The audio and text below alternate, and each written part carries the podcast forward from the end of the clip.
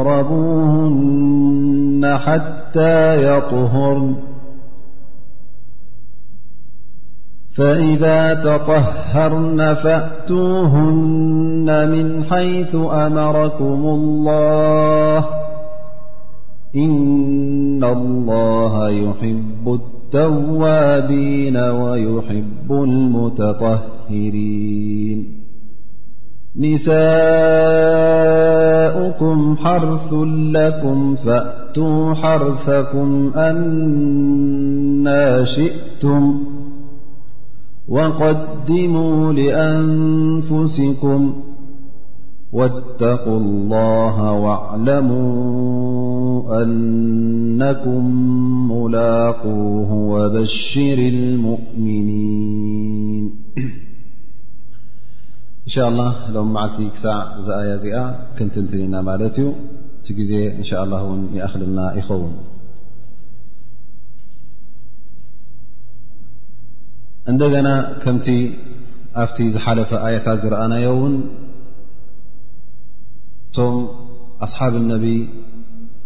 ነቢና ሙሓመድ صለ ላሁ ለ ወሰለም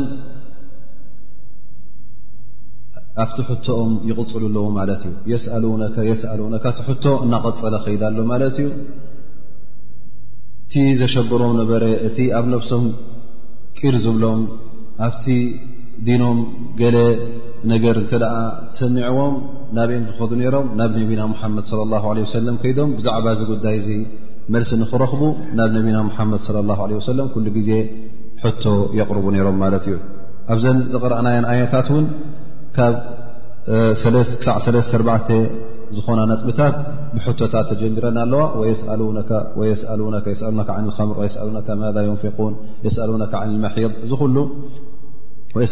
የታማ እዚ ኩሉ ሕቶታት ማለት እዩ ነቢና ሓመድ صለ ه ለ ወሰለም ዝሕተትዎ ዝነበሩ እዚ እውን ኣላ ስብሓን ወተላ ነዚ ጉዳይ እዚ ባዕሉ ኹም ዝመለሶ ኣብዚ ኣያታት እዚ ተተንቲኑ ንረኽቦ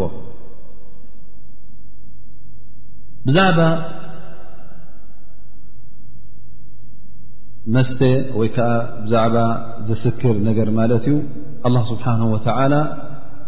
ነዚ ጉዳይ እዚ ውሳነ ክህበሉ እንከሎ ብሓንሳ ቁርፅ ኣቢሉ ውሳነ ኣይሃበሉን እዚ ጉዳይ እዚ ኣላ ስብሓን ወተዓላ ክሕርሙ እንከሎ መድረኻት ገይሩ ሓሪምዎ ማለት እዩ እዚ ሕጂ ምስቲ ናይ እምነት ምስ ናይ ዓቂዳ ክንሪኦ ከለና ፍልይ ዝበለ ጉዳይ ኮይኑ ንረኽቡ ማለት እዩ ላ ስብሓን ወተላ መጀመርያ ኣብቲ ናይ ዓቂዳ ኣብቲ ናይ ዕባዳ ኣብቲ ናይ ኣምልኾት ክኸውን ከሎ ነቲ ጉዳይ ቁርፅ ዝበለ መልሲ ሂብዎ ማለት እዩ ብመጀመርያ ኣላ ስብሓን ወተላ ወይከዓ ነቢና ሙሓመድ ለ ላ ሰለም ተላእከላ እታ ቀንዲ ቃል እታ መጀመርያ ቃል ዝእዝዛ ዝነበረ እንታይ እያ እታ ላኢላሃ ኢላ ላ ትብል ኣላ ስብሓን ወተላ ሓደ ጎይታን ሓደ እቲ ኣምልኾት ዝግብኦን ከም ምዃኑ ኣሚንካ ኩሉ እንትናኻ ኩሉ ኣምልኾትካ ንኣላ ስብሓን ወተላ ሂብካ ኢትካ ሂብካ ክተስተስልም ከም ዘለካ ነቢና ሙሓመድ ለ ላ ሰለም እታ ቀንዲ መልእኽቶም እቶም ኩሎም ኣንቢያ ዝለኣኸዋ ዝነበረት ማለት እዩ ኣብዚ ጉዳይ እዚ ኣላ ስብሓን ወተዓላ መድረኽ ኣየድለዮን እንታይ ደኣ ቁርፅ ኣቢሉ ነቲ ጉዳይ ኣብ መንጎ ሽርክን ኣብ መንጎ ተውሒድን ርክብ ስለ ዘየለ እቲ ጉዳይ እውን መሰረት ስለ ዝኾነ ነቲ መሰረት ኣላ ስብሓን ወተዓላ ውሳኔኡ ቁርፅ ኣቢሉ ወሲንዎ ማለት እዩ ግን ኣብቲ ካልእ ጉዳያት ኣብቲ ባህልን ልምድን ዝነበረ ወይ ከዓ ኣብቲ ከም ወልፊ ኮይኑ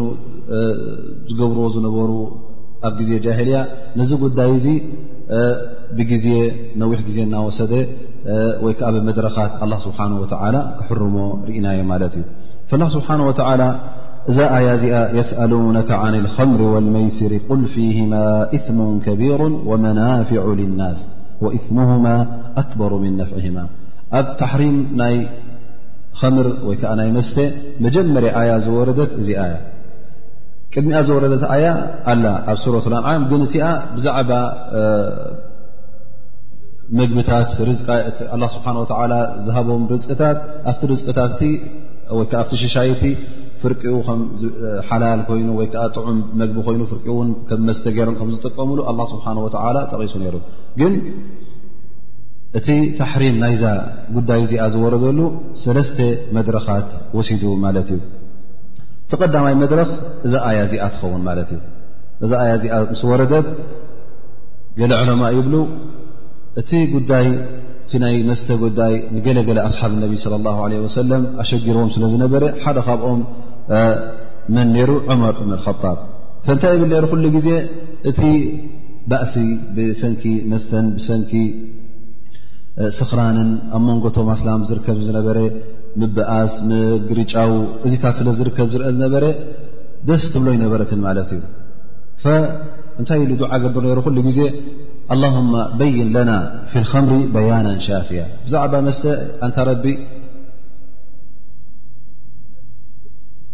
መግለፂ ወይ ከዓ ኣሕዊይ ዘብለና መግለፂ ጌርካ ግለፀልና ይብል ነይሩ ማለት እዩ እዚ ሕጂ እቲ ኩሉ ግዜ ዱዓ ዝገብሮ ዝነበረ መጀመርያ ኣያ ብዛዕባ ናይ ከምሪ እዚ ኣያ እዚኣ ወሪዳ ማለት እዩ የስኣሉነከ ን ከምሪ ወልመይስር ቁል ፊህማ እثሙ ከቢሩ ወመናፍዑ ልናስ እዚኣ ሕጂ እንታይ እያ ትህብ ዘላ መስተ ነቢ ስ ሰለም ዝተሓተተ ኣላ ስብሓን ወተላ እንታይ ኢሉ ከም ዝምልስ ብዛዕባ መይስር ማለት ድማ ቁማር እዩ መቸም ቁል ፊህማ ኢትሙ ከቢር ነቢና ሓመድ ስ ሰለም ከምዚ ኢልካ መልስ ተባሂሉ ማለት እዩ እዛ መስተ እዚኣ ወይ ከዓ እዛ መስተን እዛ ቁማርን ዓብ ጉድኣት ኣለዋ ዓብ ዘንቢ ኣለዋ እቲ ዘንቢ ድማ መብዝሕቱ ብናይ ዲን ተኣሳሰረ ማለት እዩ ምክንያቱ ኣብ ባእስን ኣብ ምግርጫውን ኣብ ምትህርራምን ኣብ በብ ዓይነቱ ወይከዓ ኣብቲ ሓንጎልካ ስሒትካ ኣእምሮካ ስሒትካ ድማ ዘይድሊ ዘረባ ወይ ውን ካብ እስልምና ዝወፀ ዘረባ ክትዛረብ ስለ ትኽእል ኣብዚ ሕማቕ ነገራት ስለ ተውድቐካ እዛ መስተ እዚኣ ጉድኣት ኣለዋ ኣብ ርእሲኡ እውን እንተ ኣብ ሕማምን ኣብ ሞትን ክተብፅሓካ ኮይና እውን ነብስኻ ትቐትል ኣለኻ ማለት እዩ እዚ እውን ዓብ ዘንቢ ይኸውን ማለት እዩ ከምኡ ውን ጥቕሚ ከም ዘለዋ ኣላ ስብሓን ወተላ ይገልፀሎም ማለት እዩ ቁል ፊህና ኢሙን ከቢር ወመናፊዑ ልናስ ከምኡ ውን ጥቕምታት ኣለዋ እዚ ጥቕምታት እዚ እቲ ናይ ኣዱንያ ጥቕምታት ማለት እዩ ንኣብነት ሓደ እተ መስተ ዝሽቅጥ ኮይኑ ካብዛ መስተ እዚኣ መክሰብ ክረክብ ይኽእል እዩ እዚ ሕጂ ናይ ኣዱንያ ነገር ማለት እዩ ካልእ ጥቕምታት ዝረኽቦ ዝነበሩ ድማ እቲ ናይ ግዜያዊ ስምዒት ናይ ስኽራን ስምዒት ዝስምዖም ዝነበረ ፀሚኡ ክመፅእ እንከሎ ኣብቲ ፅምኡ እተ ሰትዩ ተርብዮ ስለ ዝነበረት እዚ ከምዝኣመሰለ ጥቕምታት እዩ እሞ እቲ ናይ ኣዱንያ ጥቕሚ እያ እትበኩም ግን ጥቕማን ጉድኣታን እንተ ደኣ ኣነፃፂርኩሞ ኣይና ይበዝሕ ይብላ ኣ ስብሓን ወተዓላ እቲ ጉድኣታ ይበዝ ወኢሙሁማ ማለት ኣልመይስር ቁማርን መስተን ናተን ጉድኣት ናተን ዘንቢ ኣክበሩ ምን ነፍዕሂማ ካብቲ ጥቕመን እቲ ጉድኣተን ይዓቢ እቲ ትስክምዎ ዘለኹም ዘንቢ ትስክምዎ ዘለኹም ሽግር ይዓቢ ኢሉ ኣላ ስብሓን ወተዓላ መጀመርያ ነዚ ኣያ እዚኣ የመሓላልፍ ማለት እዩ እዚ ኣያ እዚኣ ምስ ሰምዐ ምስ ወረደት እውን ንሰይድና ዑመር ይፅውዑዎ ማለት እዩ ያ ዑመር ኢሎም ንዓሎ መዓተ ዝወረደት ኣያ ስማዕ ኢሉ እዚ ኣያ እዚኣ የስምዐዎ ግን ሰይድና ዑመር እዚ ኣያ እዚኣ እውን ጌና ማለት ሓራም እዩ ወይ ሓላል እዩ ስለ ዘይበለት ኣላሁማ በይን ለና ፊ ልከምሪ በያነን ሻፍያ ኢሉ ነዚ ኣያ እውን እዚኣ ሰሚዕዋ ማለት እዩ ኣብዚ መድረኽ እዚ ሕጂ እንታይ ጀሚሩ ማለት እዩ ገለ ካብቶም ኣስሓብ ነቢ ስለ ላ ለ ወሰለም እንተ ደኣ ጉድኣታ ካብ ጥቕማ በዝሕ ኮይኑስ እንታይ ኢልናያ ኢሎም ገሊኦም ክትፍዋ ጀሚሮም ማለት እዩ ገሊኦም ካብቶም ኣስሓብ ነቢ ለ ላ ሰለም ክገትፍዋ ይጅምሩ ኣለዉ ማለት እዩ ብድሕሪ እዚ እንታይ ይርከብ ካልእ ኣያ ትወርድ ማለት እዩ እዛ ኣያ እዚኣ ውን ገለ ዑለማ ይብሉ ናታ ጠንቂ ወይ ከዓ ናታ ሰበብ ኣለዋ ይብሉ ይብሉ ወካኑ የሽረቡን ከምር ሓታ ካና ዮም ማለት ድሕርቲ እዛ ኣያ እዚኣ ምውራዳ ማለት ሓራምን ሓላለ ኢላ ስለ ዘይቆረፀት ግን ጉድኣቱ ካብ ጥቕሙ በዝሕላ ዝወረደት ገለ ካብቶም ኣስሓብ ነቢ ስ ሰለም ምስታይ ገዲፎሞ ገሊኦም ግን ቅፅሉ ነይሮም ማለት እዩ ምክንያቱ ሓራም ስለ ዘይኮነ እቲ ጉዳይ ክፉት ስለ ተገደፈ ግን ጉድኣት ከም ዘለዋ ፈሊጦም ማለት እዮም ጥቕሚ ከም ዘለዋ ፈሊጦም ኣብ ርእሲኡ ድማ ጉድኣታ ከም ዝበዝሕ ፈሊጦም ኣሎ ማለት እዩ ስለዚ እቲ መስተ ኣይቋረፀን ሰቲ ነይሩ ሰብ ማለት እዩ እናሰተዩ ከለዉ እቲ ግዜ ከይድ ኸይድ ካብቶም ሓደ ኣስሓብ ነቢ ስለ ላ ለ ሰለም ይብሉ ሓደ ግዜ መስተ ሰትዩ እንከሎ ምስ ሰኸረ መቕሪብ ክሰግድ ይጀምር ክሰግድ እንከሎ ውን ብድሕሪኡ ምስኡ ትሰግዱ ነይሮም ማለት እዩ መቕሪብ እናሰገደ ከሎ ኣብቲ ሰላቱ ቁርን እናቀረኦ ከሎ ሕጂ ነቲ ቁርን ክሓዋውሶ ጀሚሩ ማለት እዩ ሱራ ብ ሱራ እትዩ ሕውስውስ ኣቢሉ ልኽብጥብጥ ኣቢሉ ኣስጊድዎም ማለት እዩ እዚ ጉዳይ እዚ ምስ ተረክበ ኣላ ስብሓን ወተላ ካልእ ኣያ ይወርድ ኣሎ ማለት እዩ እዛ ኣያ እዚኣ ድማ እንታይ ትብል እያ ሱረት ኒሳ ትርከብ ያ ኣዩሃ ለذ ኣመኑ ላ ተቅረቡ ሰላة ወኣንቱም ስካራ ሓታ ተዕለሙ ማ ተقሉን ኣላ ስብሓን ወተላ ነዚ ኣያ እዚኣ የውርድ ማለት እዩ እዛ ኣያ እዚኣ ምስ ወረደት ሕጂ ኣላ ስብሓን ወተላ እንታይ ገይሩ ማለት እዩ ሕጂ እቲ መስተ ዝስተየሉ ሰዓታት እውን ኣፅቢብዎ ማለት እዩ ምኽንያቱ ሰላት እንተ ርእና ሕጂ ኣብ መንጎ ካብ ዝህሪ ጀሚርካ ንኣብነት ክሳዕ ዓስሪ ካብ ዓስሪ ክሳብ መቕሪብ ካብ መቕሪብ ክሳብ ኣልዕሻ ዘሎ ግዜ ሓፂር ሓፂር ግዜ እዩ እሞ ሓደ ሰብ ኣብዚ ግዜ እዚ መስተ ሰትዩ እሞ ከዓ ብድሕሪኡ ሰኺሩን ብድሕሪኡ ድማ ስኽራኑ ወዲኡ ሰላት ክርክብ ግዜ ይብሉን ማለት እዩ ስለዚ ክሰቲ እንተ ደኣ ኮይኑ መዓት ክሰት ኣለዎ ወይ ድሕሪ ልዕሻ ክሰት ኣለዎ ወይ ከዓ ድሕሪ ፈጅሪ ክሰት ኣለዎ ማለት እዩ ድሕሪ ፈጅሪ እንተ ደኣ ሰጊዱ ምናልባሽ ስራሕ ስለ ዘለዎ ስርሑ ከይበክር ክብል መብዙሕቲ ሰብ ድሕሪ ፈጅሪ ክሳዕ ዙህሪ ግዜ ስራሕ ስለ ዝኾነ መብዙሕ ሰብ ኣብ ስርሑ እዩ ዝዋፈር ኣብ ናይ ዕረፍቲ ግዜ ስለ ዘይኮነ ናይ መስተ ግዜ ኣይኮነን ማለት እዩ ስለዚ እታ ሓንቲ ግዜ ተረኸበት ሕጂ መዓስያ ድሕሪ ዕሻ ተሪፋ ማለት እዩ ግን መብዝሕቱ ሰዓታት ሕጂ ሰብ እም ኣላ ስብሓን ወተዓላ ሰኺርኩም ከለኹም መስተ ሰትኹም ከለኹም ኣይትእተዉ ሰላት ኣይተቕረቡ ካብ ተባሃልናስ ግዴታ እሞ ኣነስ ክሰቲ የብለይ ኢሉ ካብ መስተ ቁሩብ ርሒቑ ማለት እዩ ሕጂ እቲ ትሰትየሉ ነበረ ሰዓታት እውን ዳርጋ ተቐይሩ ማለት እዩ ወልፊ ኩሉ ግዜ መዓስ እያ ትመፀካ ኣብታ ኩሉ ግዜ ዝለመትካ እያ እተ ሓደ ሰብ ድሕሪ ዓስሪ ሰቲ ነይሩ ኮይኑ ኣብቲ ግዜ እቲ ኩሉ ግዜ ድሕሪ ዓስሪ ደስ ትብሎ ነራ ትኸውን እዛ ጉዳይ እዚኣ ወይ ድሕሪ መቕሪብ ወይ ከዓ ድሕሪ ዙህሪ ኣብቲ ዝዕርፈሉ ዝነበረ ሰዓታት ሕጂ ሰዓታት ትቕየር ኣሎ ማለት እዩ ሕጂ እዚኣ ናበያ ተመሓላለፍ ዘላ ማለት እዩ ተይ ነብሲ ኣስሓብ ነቢ ስለ ላ ለ ወሰለም እቲ ነብሶም መስተ ለሚዱ ዝነበረ እቲ እዋን ይቕየረሎም ኣሎ ማለት እዩ እታ ክሰትዩላ ዝኽእሉ ሰዓታት ናበይ ሓሊፋ ማለት እዩ ንድሕሪ ዒሻ ኣሕሊፍዋ ኣላ ስብሓን ወተላ ከምኡ ውን ዑመር ብን ኣከጣብ እዛ ኣያ እዚኣ ምስ ወረደት ምስ ሰምዕዋ እውን ገና ኣይዕገበቶውን ምኽንያቱ እዛ ኣያ እዚኣ እውን ስኺኩም ከለኹም ኣይትስጎዱያ ትብል ዘላ ዳኣ እምበር መስተ ሓራም እዩ ኣይበለትን ኢሎም ጌና እዛ ነፍሶም ካብ ኣላ ስብሓን ወተዓላ ኣላሁመ በይን ለና ፊ ልከምሪ በያነን ሻፍየን እናበሉ ዱዓ ገይሮም ማለት እዩ ድሕሪ እዚ ኣላ ስብሓን ወተዓላ እቲ ጉዳይ ኣብ ፅቡቕ መድረኽ ምስ በፅሐ ከምኡ ውን እቲ ነፍሲ ናይቶም ኣስሓብ ነቢ ስለ ላ ለ ወሰለም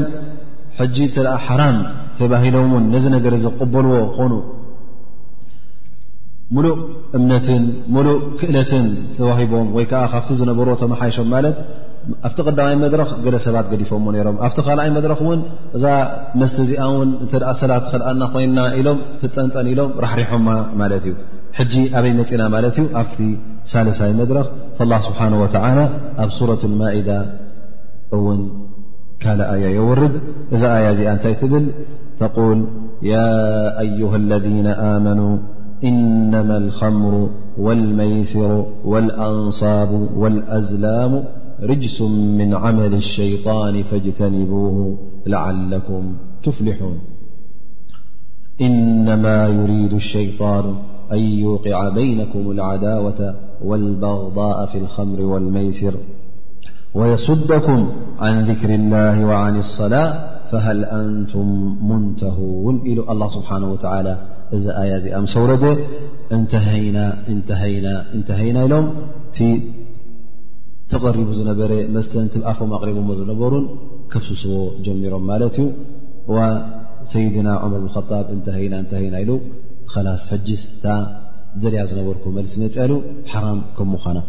ሊኣን ላ ስብሓን ወላ ኣብዛ ኣያ እዚኣ እነማ ልከምር ጥራይ ከምሪ ኮነን ከምኡውን ነታ ከምርን ነታ መስተ ማለት እዩ ከምኡውን ነቲ ቁማር ከምኡውን ነቲ ኣስናም ነቲ ስእልን ምስልን ወይ ከዓ በቶም ኣስናምን በቶም ምስልን ዝግበር ዝነበረ ናይ ቁማር ኣገባብ ፀወታ እዚ ኩሉ ርጅስ ማለት ርኽሰት ወይ ከዓ ነጅስ ከም ምኳኑ ኣላ ስብሓን ወተላ ሓቢሩ እዚ እውን ግብረ ሸይጣን ምኳኑ ኣላ ስብሓን ወላ ይሕብር ርጅሱን ምን ዓመል ሸይጣን እዚ ሸይጣን ዝተፋፍኣካ ግብረ ሸይጣን ስለ ዝኾነ ፈጅ ተኒቡ ካብኡ ተኸልከሉ ካብኡ ተኣገዱ ኢሉ ኣላ ስብሓን ወተላ ነዚ ኣያ እዚኣ የውርድ ላዓለኩም ትፍሊሑን ምእንቲ ካብቶም ዕውታትን ካብቶም ጀና ዝኣትዉ ክትከኑ ኢሉ ኣላ ስብሓን ወተላ ሓበሬታ የመሓላልፍ ወይ ከዓ ትእዛዙ የመሓላልፍ ثመ የዚድ ላ ስብሓን ወተላ ስለምንታይ እዩ ሸይጣን ኣብዚ ናይ መስተን ኣብቲ ናይ ቁማር ዝደፋፍኣኩም ምኽንያቱ እነማ ዩሪዱ ሸይጣኑ ኣን ዩቅዓ በይነኩም ዓዳወተ ወልበቕض ኣብ መንጎኹም ፅልእን ባእስን ክተክል ዳኣ እምበር ካልእ ድልት ስለ ዘይብሉ እነማ ዩሪዱ ሸይጣኑ ኣን ዩውቅዓ በይነኩም ዓዳወተ ወልባغዳ ፊ ልከምሪ ወልመይስር ኩሉ ግዜ ብእስ ዝርከብ ብመስተን ብቁማርን ዝርከብ ዝኾነ ይኹን እተ መስተላ ኮይና እተ ቁማር ኣሎ ኮይኑ ኩሉ ግዜ እታ ኣኼባ ብባእስን እንተ ሓመቐ ተፃሪፍካ ትወፅእ እንተዘየሎ ብቡኛን ብበትርን ትተሃራርም ማለት እዩ ምክንያቱ ኣብታ ናይ መስተ ሓንጎልካ ስዒትካ ኣለካ ትገብሮ ዘለካ ትፈልጥ የለ ኣብታ ናይ ቁማር ድማ ገንዘብካ እናረእኻዮ ዝኣከብካዮ ገንዘብ ብኸንቱ ብሓንቲ ደቕ ብፈርትቂ ደቕ ኣሽሓት ሒዝካ መፅእካ ከምዘይነበረካ ነዲኻ ጥራይ እትካ ክትወፅእ እንከለኻ ብጣዕሚ ትናደድ ብጣዕሚ ስለ ትቑጣዕ እዚ ጉዳይ እ ድማ ኣብ ባእስን ኣብ ምንሃሃርን የብፅሓካ ማለት እዩ ላ ስብሓን ወተላ እዚ ተግባር እዚ ተግባር ሰይጣን እዩ ሰይጣን እውን ንዓኹም ሰናይ ዝዘልልኩም ኣይኮነን እንታይ ደኣ መንጎኹም ባእስን ፅልእን ክተክል ስለ ዝደሊ እዚ እውን ተግባር ሰይጣን እዩ ኣብ ርእሲኡ እውን እንተ ከምቲ ኣላ ስብሓን ወላ ዝበሎ ሓንገሎ ዝሰሓተ ሰብ እውን ግዜ ሰላት ኣትዩ ናይ ኣተወን ኣብ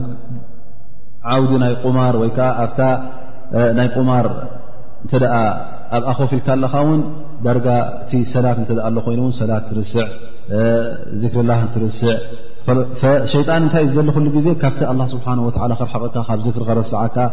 ሰላት ከረስዓካ ስለ ዝደሊ ላ ስብሓ ወላ ይበይን ወየሱደኩም ን ذክሪ ላ ን ሰላት በዚ ተግባራት እዚ በዚ ግብረ ሰይጣን እዚ ካብ ዚክርን ካብ ሰላትን ካብኡ ክርሕቐኩም ስለ ዝደሊ እዚ ኩሉ ግደፍዎ ሞኒ ፈሃል ኣንቱም እንተሁን ኣይ እንተሁ ተኸልከሉ ካብዚ ጉዳይ እዚ ስለ ዝበለ ኣላ ስብሓ ወላ ኣስሓብ ነቢ ለ ላ ለ ወሰለም እንተሃይና እንተሃይና ኢሎም ነቲ መስተ ኩሉ ከፍስስዎ ተረኺቦም ማለት እዩ كفت ب دي حاديث رد أنر ين يقول نس بن الك قال بينما أنا أدير الكأس على أبي طلحة وأبي عبيدة بن الجراح وأبي دجانة ومعاذ بن الجبل وسهيل بن بيضاء حتى مالت رؤوسهم من خليط بسر وتمر فسمعت مناديا ينادي ألا إن الخمر قد حرمت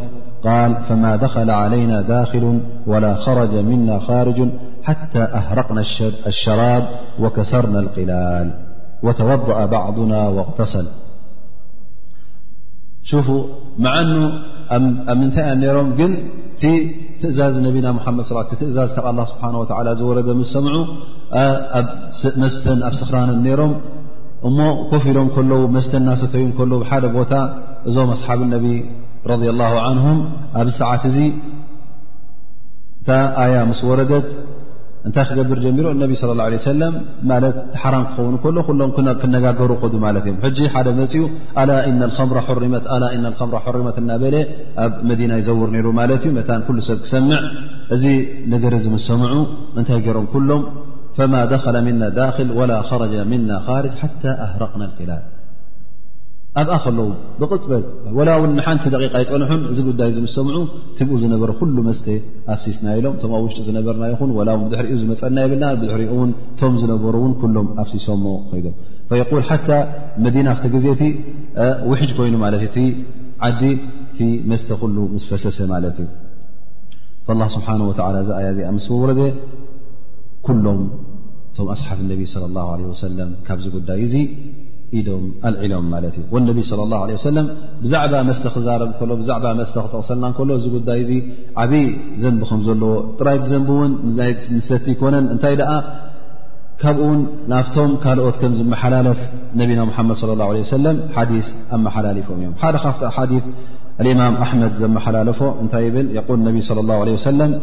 ሙዒነት ከምሩ ዓላ ዓሽረት ኣውጁ ሉዒነት ከምሩ ዓላ ዓሸረቲ ኣውጁ እዛ ከምሪ እዚኣ እዛ መስተ እዚኣ ብዓሰርተ ገፃት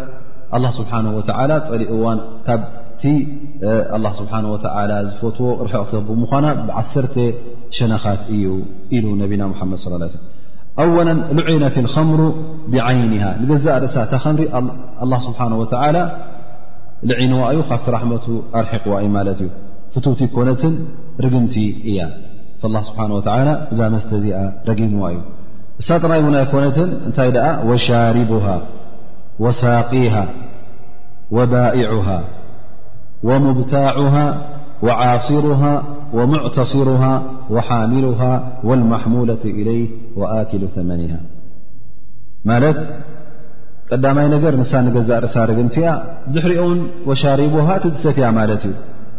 ወሳቂሃ እቲ ዘስትየካ ማለት እዩ ምክንያቱ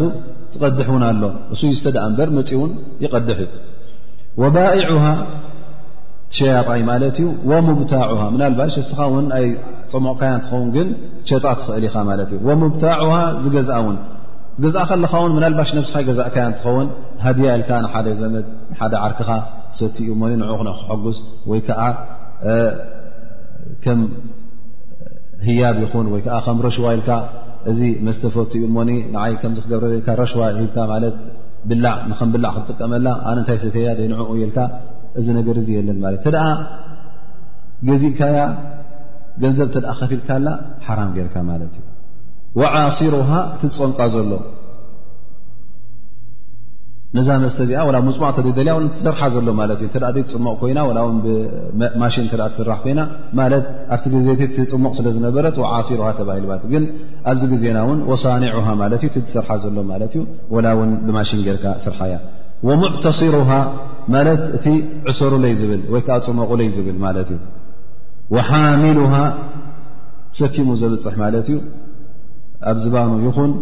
ኣብ ማኪንኡ ይኹን ተላኣይኹ ይኹን እተ ተሰኪምካ ፅሕካ ካብ ሓደ ቦታ ናብ ሓደ ቦታ ርግምቲ ስለ ተሰከምካ ሳውን ምስኣ ትልከም ኣለኻ ማለት እዩ ወልማሕሙለት ኢለይ እቲ ተብፅሓሉ ዘለኻ ውን ማለት እዩ ወኣኪሉ ተመኒሃ እቲ ዋጋኣ ዝበልዕ እውን እዚ ሰብ እዚ ወላ ውን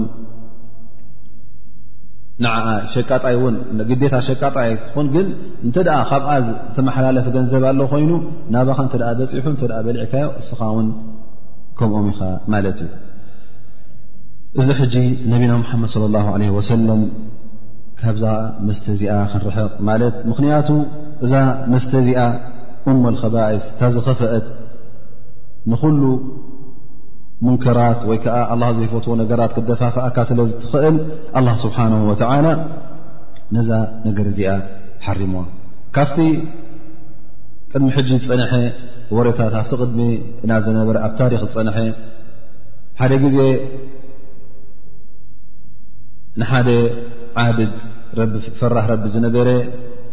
ብሰንኪ እዛ መስተ እዚኣ ኣብ ዓብዪ ጌጋ ከም ዝወደቐ እትነግር ዛንታ ኣላ ማለት እዩ እሳ ድማ ይብሉ ሓንቲ ሰበይቲ ነዚ ሰብኣይ እዚ እንታይ ላ ትልእ ከሉ ማለት እዩ ሰብ ልኢኻ ንዓ ክትምስክር ንደልየካ ኣለና ናይ ዓቕዲ ናይ ከምዝኣመሰለ ስለ ዘለና ክትምስክርልና ንፅዋዓካ ኣለና ኢላ መልእኽቲ ትሰደሉ ማለት እዩ ሕራ ኢሉሱ ብገርሁ ይመፅእ ማለት እዩ መፅኡ መፅኡ ኣብታ ሰበይቲ ይኣቱ ማለት እዩ እታ ሰበይቲ ርኣያ ፅብቕቲ ሰበይቲ ተኳሓሕያ ተፀባቢቓ ትብሎ ኣነ ንምስክርነት ኣይፀዋዕኩኻን ግን ደስ ኢልካኒ ንዓ ምሳይ ክድቅሰ ደልየ ትብሎ ማለት እዩ ወይ ከዓ ሰለስተ ምርጫ ኣለካ ትብሎ ወይ ምሳይ ክድቅስ ወይ ከዓ እነህልካ ዚ ህፃን እዚ ቆልዓ እዚ ናይ ሓራም ስለ ዝኾነ ክቀትልለይ ወይ እውን ታመስተ ትሰቲ ትብሎ ማለት እዩ ሕጂ እስኻ ካብዞም ሰለስተኤን ሓንቲ ምረፅ እሱ ማሓሲቡ ሓሲቡ ካብ ሰብ ምቕታል ካብ ዚና ሽርሙጥና ምሽርማጥ እዛ መስተ ሓንቲ ኩባያስቲ ኣብለ እካረጅ ኢሉ ሓሲቡ ማለት እዩ ናፍታ ነታ መስተ ይመርፅ ማለት እዩ ነታ መስተ ምስ መረፀ ሓንቲ ኩባያ ምሰተየ ጥዑም ጥዑም ጥዑሙ ማለት እዩ ካልኣይ ትወስኹን ይብል እሰቲ ካልይቲ ሳለሰይቲ ኸላስ ሸገግ ይብል ኣሎ ማለት እዩ ሸገግ ምስ በለ ሸይጣን ሰሪርዎ ማለት እዩ እታ ዝምውና ገይርዋ እቲ ቆልዓ ቀትልዎ ተን ሰለስተ ጀሪማ ሰለስተ እን ወዲእዎን ማለት ስለዚ እዛ ከምሪ እዚኣ እዛ መስተ እዚኣ እምበል ከባእስ ትበሃል ብዚ መሰረት እዩ ምክንያቱ እንተ ነዛ ተግባር እዚኣ ገርካ ወይ ከዓ ነዚ መስተ ኣብ ስኽራ እተ በፅሕካ ኣብ ዝኾነ ገበን ወይ ከዓ ኣብ ዝኾነ ጌጋ ክትወድቕ ቀሊል ስለ ዝኾነ ናብ ዝኾነ እከይ ነገር እውን ስለ ትመርሕ ኡመል ከባኢፍ ተባሂላ ምኽንያቱ እንታይ ዩ ንዓኻ ኩሉ ግዜ ካብ ሕማቕ ነገር ካብ ገበን ካብ ጀሪማ ንዓኻ ዘርሕቐካ ሓሳብ ስለ ዘለካ እምሮ ስለ ዘለካ ግን ቲ እምሮ እተ ተበላሽ እተ ፅቡቅ ር ከይትሓስብ ኮንካ እተ ሓንጎልካ ስሒትካ እስኻን ፅሉልን ዳርጋ ሓደ ይኹም ትኾኑ ማለት እዩ ኣካይዳኹም ዳርጋ ሓደ ኸውን ማለት እዩ ስለዚ ኣብ ሕማቕ ተግባር ኣብ ሕማቕ ጌጋ ትወድቕ እዚ ሕጂ ካብቲ ነቢና ሙሓመድ ለ ላ ለ ወሰለም ዘመሓላለፉና ማለት እዩ ከምኡ ውን ካብዚ ጉዳይ እዚ ካብ መስተ ክንረሕቕ ካብኡ ርሒቕና ውን ክንጥንቀቕ ነቢና ሙሓመድ ለ ላ ለ ወሰለም ብዙሕ ኣሓዲ ኣመሓላሊፎም እዮም ሓደ ካብኡ እንታይ ይብል የቁል ነቢ ለ ላ ለ ወሰለም ፊማ ረዋ ቡኻሪ ወሙስሊም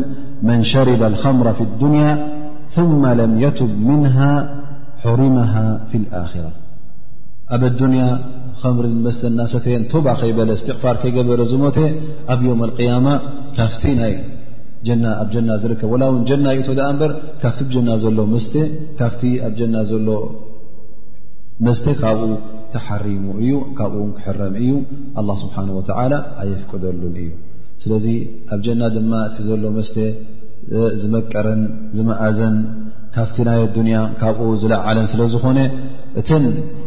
ናይ ኣዱንያ ዶ ትመርፅ እተን ናይ ኣራ ኩላህና እተን ናይ ኣራ ኢና ንመርፅ ረቢ ድማ እንሻ ላ ኣብ ዮም ኣልቅያማ ካብቲ ኣብ ኣራ ዝርከብ መስተ ካብኡ ንኸስትየና ትምኒት ኣለና ኸምር ክበሃል ከሎ ድማ ንኣብነት ውሱን መስተ ኣይኮነን ምናልባሽ ገለ ሰባት መስተ ጥራይ ሓደ ዓይነት ከይመስለካ ስዋ ጥራይ ወይ ከዓ ሜስ ወይ ከዓ ኣረቂ ወይ ከዓ ከምዚ እዚ ተፃረየ እዩ እዚ ዝበለፀ ኢልካ ዘይከውን ሓሳብ ንኸይትሓስብ ነቢ ስለ ላ ለ ሰለም ኸምር እንታይ ምኳኑ ትርጉሙ ክጠቅስ እንከሎ ነቢና ሙሓመድ ስለ ላ ለ ሰለም ብሓዲ ሓቢሮምና እዮም እንታይ ኢሎም ኩሉ ሙስኪርን ኸምር ዝኾነ ይኹን ነገር ዝስክር ዘብኡ ኸምር እዩ ወይ ከዓ መስተ እዩ ኸምሪ እዩ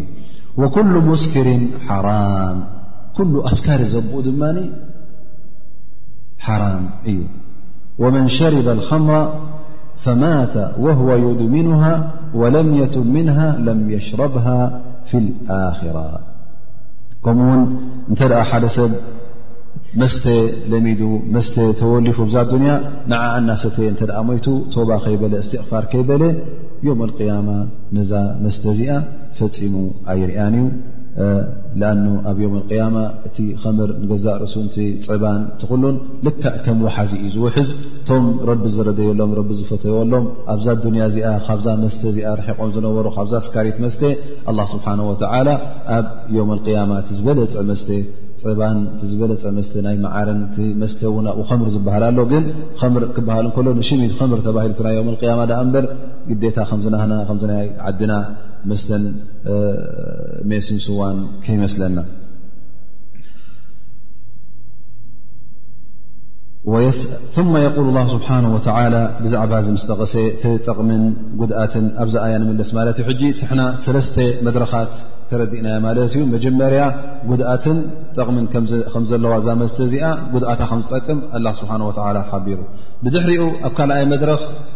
ሰላት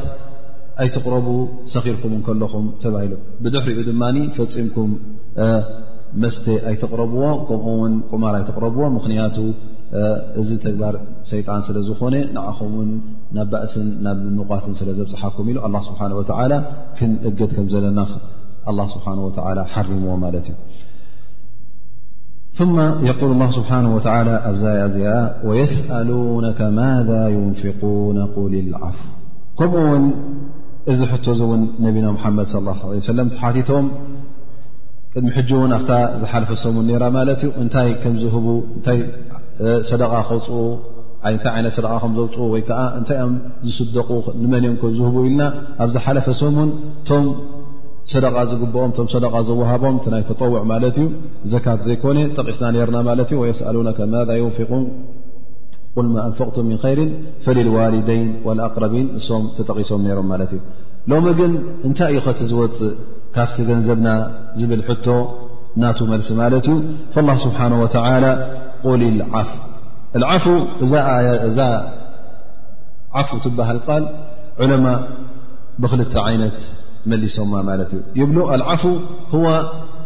ማ የፍضሉ ን ኣህሊ ኣው ማ ዛዳ ን ኣህሊ ማለት ንዓኻን ንስድራኻን እኹል ረኺብኩም እቲ ዝያዳ ዝተረፈ ማለት እዩ ካብኡ ንላዕሊ ዝተረፈኩም ካብኡ ውፅእ ማለት ነብስኻ ሓሪምካ ሰደቃ ሃብ ኣይትበሃልን ኢኻ ማለት እዩ ወስልምና ግን ንዓኻ ረኺብካ ንስድራኻ ኣብሊዕካ ካብኡ ዝያዳ እተ ረኺብካ ተሰደቕ ንኻልእ ሰብ ሃብ ወይ እውን ኢሎም ዑለማ ኣልዓፉ ማለት ኣልዩሱር ማለት ቀሊል ውሑድ ማለት ኩሉ ገንዘብኩም ኣውፅኡ ኣይትበሃሉን ኢኹም እንታይ ደ ካብቲ ገንዘብኩም ውሕድ ኢኹም ከተውፅኡ ተኣዚዝኩም ትሰደቃ ትህብዎ ተኽብዎ ቀሊል ማለት እዩ ውሕድ እዩ ወቂለ ኣልወሰጥ ወይ ከዓ ማእከላይ ማለት ኣይ ብዙሕ ኣይ ሒደት ግን እታ መብዝሕቶም ዕለማእ ዝብልዋ ማ የፍضሉ ን ኣህሊክ ማለት ዓፉ ማ ዛዳ ን ሓጀትክ ካብቲ ንዓኻ ኣድላይ ዝኾነ ካብቲ ንዓኻን ስድራ ቤትካን ትዋጅብ ዝኾነካ ማለት እዩ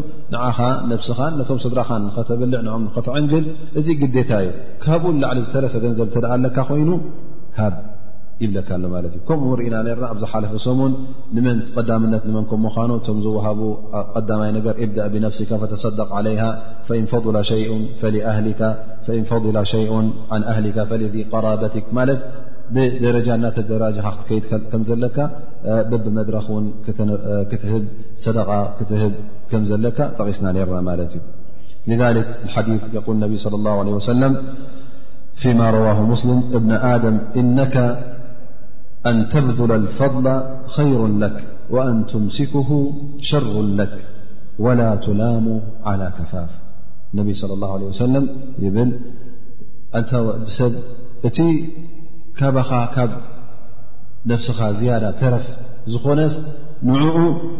እንተሃብካዮ እዩ ንዓኻ ዝሓሸ ምኽንያት እዚ ፅባሕ ንጎ ክፀንሓካ እዩ ከምቲ ዝበልናዮ እዛ ዱንያ እንታይ ወይ ዝበላዕካዮ ከብድኻ ክጠፍ እዩ ወይ ተኸዲንካ ከተብልዮ ኢኻ ወይ ብልዕካ ከተብርሶ ኢኻ ወይ እውን ሰደቃ ሂብካ ከተትርፎ ኢኻ ተርፍ ማለት ንዓኻ ተሪፉልካ ማለት እዩ ወይ እውን ግዲፍካዮ ክትሓልፍ ኢኻ ንመን ክኸውን እዩ ነቶም ወረስቲ ክኸውን እዩ ስለዚ ተናዕኻ ዝተርፋ ተን ጠቃሚ ኣይነት እየን ተን ሰደቃ ትብል ማለት እዩ እዛ ኣያ እዛ ሓዲት እዚኣ እውን ዳርጋ ከምኡ ማለት እዩ እብነ ኣደም እነካ ኣንተብዙለ ልፈضላ ኸይሩ ለክ እቲ ዛዕኻ ዝሓሸን ዝበለፀን እቲ ዘየድልየካ እቲ ካብ ሓጀትካ ንላዕሊ ዝኾነ ንዕኡ ሊላ ኢልካ ከተውፅኦ ከለኻ እዚ ንዓኻ ዝሓሸን ዝበለፀን ኣን ትምሲኩሁ ሸሩ ለክ ተሒዝካዮ ንዓይ ንዓይ ጥራይ ኢልካ እተ ኣትሪፍካዮ ግን ንዓኻ ር ኣይኮነን ሰናይ ኣይኮነን ምኽንያቱ ንዓኻ ኣይክጠቕመካን እዩ ወይ ገሊፍካዮ ክትመውት ኢኻ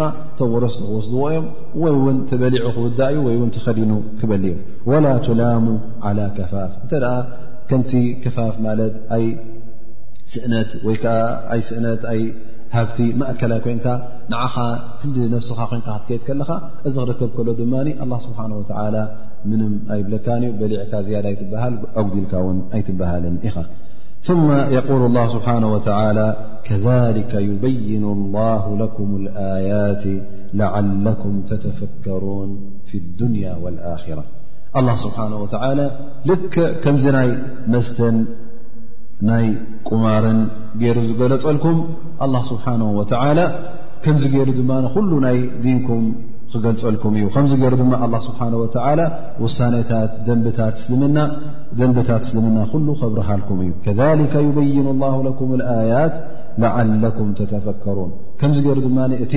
ሰደቃ ዝወሃብ ድማ ደንቢ ናቱ ከምዚ ገይሩ ይገልፀልኩም ስለምንታይ ለዓለኩም ተተፈከሩና ፊ ዱንያ ወልኣራ ብዛዕባ ኣዱንያን ብዛዕባ ኣራን እውን ንኽትሓስቡ ማለት እቲ ነፈቓ ተውፅኦ ከለኻ እቲ ተውፅኦ ገንዘብ ክትርኢ ከለኻ እንታይ ዩ ሕጂ ናይ ኣዱንያ ናይ ኣራ ትርኢ ኣለኻ ማለት እዩ እቲ ናይ ቁማር እቲ ናይ መስተ ኩሉ እዚ እንታይ እዩ ሕጂ ምስ ኣዱንያን ኣራን ኣብዚ ሕጂ እንታይ ገሊጹ ኣላ ስብሓን ወተላ ፊህማ ኢትሙ ከቢር ወመናፊዑ ልናስ እቲ ኢትም እቲ ዘንቢ ምስ ምንታይ ተኣሳሰረ እዩ ምስ ኣራ እቲ ጥቕሚ ድማ ምስ ምንታይ ተኣሳሰረ ዩ መናፍዕ ዝበሃል ዘሎ ብዛ ኣያ እዚኣ እቲ ረብሓታት ናይ ኣዱንያ ከምኡ ውን ናይዛ ሰደቃ እዚኣ ምስ ማል ምስ ገንዘብ እቲ ተውፅኦ ሰደቃ እቲ ነፈቓ ትህቦ ማለት እዩ ኣላህ ስብሓን ወተዓላ እዚ ኩሉ ምስ ሓበረና እንታይ ይብል ለዓለኩም ተተፈከሩና ፊ ዱንያ ወልኣራ እዚ ነገር እዚ ዝሕብረኩም ዘለኹ እዚ ነገር እዚ ዝውስነልኩም ዘለኹስ ቁሩብ ሕስብ ከተብሉ ብዛዕባ ዱንያን ኣራን ኣይነተን እያ እታ ትጠቕመኩም ኣይነተን እያ እታ መዋእል ፍስሃን ዕረፍትን ትረኽቡላ ኣይነተን እያ ኸ ብዝያዳ ክትቃለሱላ ዘለኩም ኣይነተን እያ ኸ ኩሉ ልብኹም ኩሉ ኣቃልቡኹም ክትዋ ዘለኩም ኣዱንያ ድያ ወይስ ኣራ መን እያ እታ ነባሪት መን እያ ከዓ እታ ሓላፊት እዱንያ ኩላና ንፈልጣ ኢና እዛ ዱንያ እዚኣ ኩላ ግዜ ሓላፊት እያ መን ኣሎ ብዛ ዱንያ ኣነ መዋእለይ ክነብር እየ ዝብል ወላ ፅሉል እውን ዝብሎ ኣይኮነን እዚ ኩላና ንፈልጥ ኢና ይናሕ ይሕፀር ዕድሜና እዛ ዱንያ እዚኣ ፈና ከም ዝኾነት መጨረሻ ከም ዘለዋ ብድሕሪኡ ድማ መጨረሻ ዘይብሉ ኣኼራ ስለ ዘሎ መፃኢ ስለ ዝኾነ እውን ነዚ ነገር እዚ ነዚ ጉዳይ እዚ ርኢኹም ቁሩብ ሕስብ ከተብሉ እሞኒ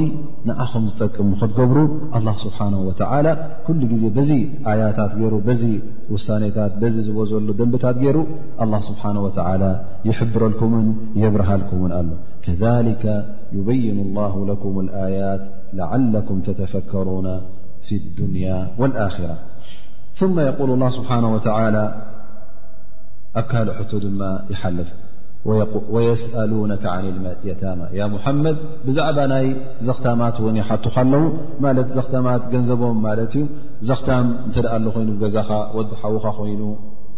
ወይ ከዓ ዘመድ ኣሎ ኮይኑ እተ ኣቦኡ መይቱ እሞ እዚ ሰብ እዚ እዚ ቆልዓ እዚ ገና ኣብ ንእስነቱ ከሎ ኣቦኡ ውርሻ ገዲፍሉ እሞ እዚ ገንዘብ እዚስ እንታይ ከም ዝግበሮ ከመይ ጌርካ ከም ዝተሓዝ ንነቢና ሙሓመድ ለ ላ ለ ወሰለም ይሓትዎም ነይሮም ማለት እዩ ምክንያቱ እ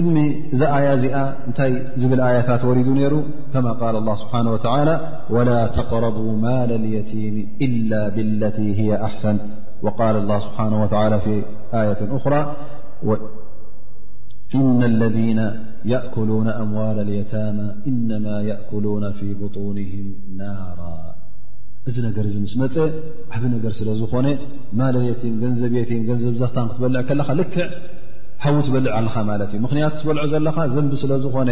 ኣላ ስብሓን ወተላ ን ፅባሕ ንግሆ ነዚ ዘንቢ እዙ ብምንታይ ዩ ክቐፅዓካ ብሓዊ ጀሃንም እዩ ክቐፅዓካ እሞ ልክዕ ሓዊ ጀሃንም ትበልዕ ኣለኻ ማለት እዩ ላ ስብሓን ወተላ ታስእሊ ብፅቡቕ ወይ ከዓ ብዓብኡ ንኽትሪኣ እንታይ የቕርበልካ ኣሎ ማለት እታ ትኩልሳ ዘለኻ መግብዝ ሓዊ ትኩልስ ኣለኻ ማለት እዩ ሓዊ ትውሕጥ ኣለኻ መን ኣለካ ኣባና ሓዊ ምፅኡ ሓዊ ዝውሕጥ ኣብ ከብዱ ሓዊ ዘእቱ እሞ እዚ ሓዊ እዚኣ ድማ ዘይትጠፍእ ሓዊ ኣብ ውሽጢ እውን ቃልቃል ትብል እተ ኮይናስ መን እዩ ዝቐርባ ፈፂሙ ዝቐርባ የለን ላ ስብሓን ወላ ነዚ ኣያታት እዚ ምስ ኣውረደ እቶም ኣስሓብ ነቢ ለ ላ ለ ወሰለም ኣዝዮም ስለ ዝፈርሁ እንታይ ገይሮም ማለት እዩ እቲ ገንዘብ ናይ የቲም ንበይኑ ፈልዮምሉ ገንዘቦም ድማ ንበይኖም ፈልዮምሉ ሓታ ክበልዑን ክሰትዩን ከለዉ ንዕኡ ንበይኑ ይገዝእሉ ማለት እዩ ዝብላዕን ዝስተን ንበይኑ ክፍ ኣቢሎም እዚ ናህካ እዩ ካብኡ ብላዕ ንሕና ዝረከብናዮ ንበልዕ ኢሎም ይበልዑ ነይሮም ማለት እዩ ሕጂ እንታይ ኮይኑ ትሽግር ጠብ እዚ የቲም ንኣብነት ሓደ ኸውን ኣብ ሓንቲ ገዛ እሞ ከዓ እቲ ምግብናቱ ከም ፅሉ ከለዉ ይህብዎ ይበልዕ ይሰት ግን እታ ዘምፅዋ ምግቢ ሓንቲ መዓልቲ ትውዳእ ምግቢ ይኮነትን ትሓድር እያ ክትውዕል እያ ውዒላ ሓዲራ ድማ ካብ ዝበላሸ ም እተ ኮይኑ ክበላሸ ማለት እተ ንኣብነት ኣብቲ ግዜ እቲ ገንዘቡ በጊዕ እተ ተሓሪዳ ዘቆልዓ እ እንታይ ክትከውን እያ ማለት እዩ እተ ንበይኑ ክበልዓ ኮይኑ ሓንቲ መዓልቲ ክተ መዓልቲ በሊዑ ትካልእ ክበላሸ ክእል ማለት እዩ እቲ ግዜ ብዝያዳ እዚ ተላጃ ወ ተላጃ ኣይነበረን ከም ስለ ዝተረኸበ ሕጂ እዚ ድማ ሽግር ኣምፅኡ ማለት እዩ ፈላ ስብሓን ወተላ ነዚ ኣያ እዚኣ የውርድ ማለት እዩ እዚ ሽግር እዚ ምስ ኣጓነፎም እውን እቶም ኣስሓብ ነቢ ለ ላ ለ ወሰለም ንነቢና ሙሓመድ ለ ላ ሰለም ጠቒሶሞ እሞ ኢሎም እቲ ገንዘብ ት ብዝያዳ ጠፍእ ኣሎ ሕጂ ከምዝ ከምዝን ሓሲብና ምስ ፈለና ሉ እቲ ገንዘብ እቲ ዝበላሾ እቲ ዝድርበ በዚሑ ያ ረሱላ ላ ኢሎም ምስ ሓተቱ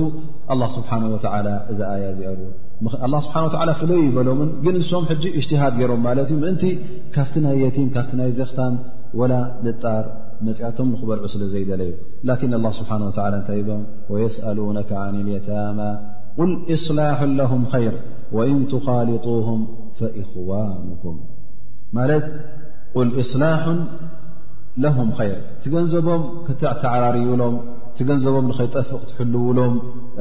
እቲ ገንዝቦም ብዝያዳ ንክውስኽን ንክረብሕን እዚ ነገራት እዚ ክትገብሩ ከለኹም እዚ ዝበለፅን እቲ ዝሓሸን እዩ ንበይኖም ፈሊኻ ተብላዕካዮም እውን ምንም ሽግር የብሉን ግን ወእን ትኻሊጡሁም ፈኢኽዋንኩም እንተ መግብኹምን መግቦምን ብሓንሳእ ሓዊስኩም ብሓደ በሊዕኩም መስተኹምን መስተኦምን ብሓንሳእ ሓዊስኩም እተ ሰቲኹምሞ ኣብ ክንዲ ናይ ኩላካ ማለት ካብቲ ገንዘቡ ቁርብ ወሲድካ ብሓንሳእ ክትበልዖም ከለኻ እቲ ናይ ሎም መዓልቲ ምግቢ ይውዳእ ማለት እዩ ፅባሕ ውን እሱ ምሳኻ በልዕ እስኻ ሎ ምስ ትበልዕ ስለዚ እንታይ ይኸውን እቲ ጉዳይ ዝድርበ ኣይርከብን ማለት እዩ ላ ስብሓን ወላ እንተ መግብኹምን መግቦምን ሓዋዊስኩሞ ኣሕዋትኩም እዮም ምንም ሽግር የብሉ ግን ንያኹም እንታይ ክኸውን ኣለዎ ነዚ ገንዘብ እዚ ሓላዋ ክኸውን ኣለዎ ነዚ ገንዘብ ዚ ንምብራስን ነዚ ገንዘብ ንመጥፋእን ክኸውን የብሉ ንያኹም እንተ ደኣ እዚ ሕማቕ ንያ ኣለኩም ኮይኑ ብልብኹም እዚ እማመ እዚ እተ ኣ ብልብኹም ኣሎ ኮይኑ ግን ኣላ ስብሓን ወተላ ኩሉ እቲ ንያኹም ስለ ዝፈልጦ ላ ስብሓን ወላ ብዚ ኣያ እንታይ ይብል ወላሁ ያዕለሙ ልሙፍሲደ ምና ልሙስሊሕ እቲ ንየቲም ሰናይን ር ሰናይ ዝደልየሉ ኣላ ስብሓን ወላ ይፈልጦ እዩ ገንዘብ የቲም ብኮንቱ ከጥፍእ ዝደሊ ኣላ ስብሓን ወላ ይፈልጦ እዩ እቲ ገንዘብ የቲም ዝሕልውን ምስኡ ኮይኑ ክበልዕ ከሎውን ምእንቲ እቲ ገንዘብ ንኸይጠፍእን ምእንቲ ከይድርበን ኢሉ ዝበልዕ ድማ ኣላ ስብሓን ወተዓላ ይፈልጦ እዩ ثመ የቁል ወለው ሻء ላሁ ለኣዕነተኩም ኣላ ስብሓን ወተዓላ እንተ ደኣ ንዓኹም ክሸግርን ንዓኹም ክኽብደልኩምን ዝዘሊ እተ ነይሩ ኮይኑ ውሳነ ምመሓላለፈ ነይሩ እዚ ውሳነ እዚ እውን ንዓኹም ከቢድን ዘይትኽእልዎን ውሳነ ምገበሩ ነይሩ ግን ኣላ ስብሓን ወላ ከምቲ ዝበልናዮ ኩሉ ግዜ ኣብዚ ዲና ዝመፅእ ውሳኔታት ኣብዚ ዲና ዝመሓላለፍ ደንብታት ኩሉ እንታይ እዩ ወዲ ሰብ ዝኽእሎ ፎኪስ ዝኾነ ደንቢ እቲ ዲን ሓረጅ ከም ዘይብሉ ማለት ኣድካምን ከቢድን ከም ዘይኮነ ማለት እዩ ላ ስብሓን ወተላ እንተ ደኣ ከኽብደልኩም ዘሊ ነይሩ ኮይኑ መኽበደልኩም ነይሩ ዘይትኽእልዎ ምገበረ ነይሩ ላኪን ኣላ ስብሓን ወተላ ንዓኹም ሰናይ ስለ ዝደልየኩም እዚ ዲን እዚ ድማ ፎኪስ ዲን ስለ ዝኾነ ኩሉ ሰብ ዝኽእሎ ስለ ዝኾነ ንዓኹም ውን ኣየኽበደልኩምን እና ላሃ ዓዚዙን ሓኪም ኣላ ስብሓን ወተዓላ በዓል ሓይሊ በዓል ፍፁም ሓይሊ ስለ ዝኾነ ንኡ ውን ወይ ከዓ ንኡ ዝስዕር የለን ካብኡ ዝሕይል የለን እሞ ተጠንቀቑ ሎሚ እንተ ደኣ እስኻ ነዚ የቲም እዚ ነዚ ዘኽታም እዚ እንታይ ይፈልጥ ንእሽተ እዩ ኢልካ ናትካ ትምህርትን ናትካ ዕብትን ወይ ከዓ ናትካ ሓይልን ብሓይልኻ ትምዝሐት ውን ብጥበብ እዩ ዘውርዶ ዘሎ ዳኣ እምበር ሱቕ ኢልካ ናይ ዕሽነት ኣይኮነን ይኸውን ኢልካ ዝኾነ ኣይኮነን እንታይ ደኣ ኣላ ስብሓን ወተዓላ ኩሉ ውሳኔታትን ደንብታትን ብጥበብ እዩ ንዓኹም እንታይ ይጠቕመኩም ነቶም ዘኽታማት እንታይ ይጠቕሞም ከመይ ጌርኩም ትበልዑ ካብቲ ናይ ዘኽታም ከመይ ገይሩ ዘኽታም ምሳኹም ተሓዋወስ እዚ ኩሉ ጉዳያት እዚ ኣላ ስብሓን ወተዓላ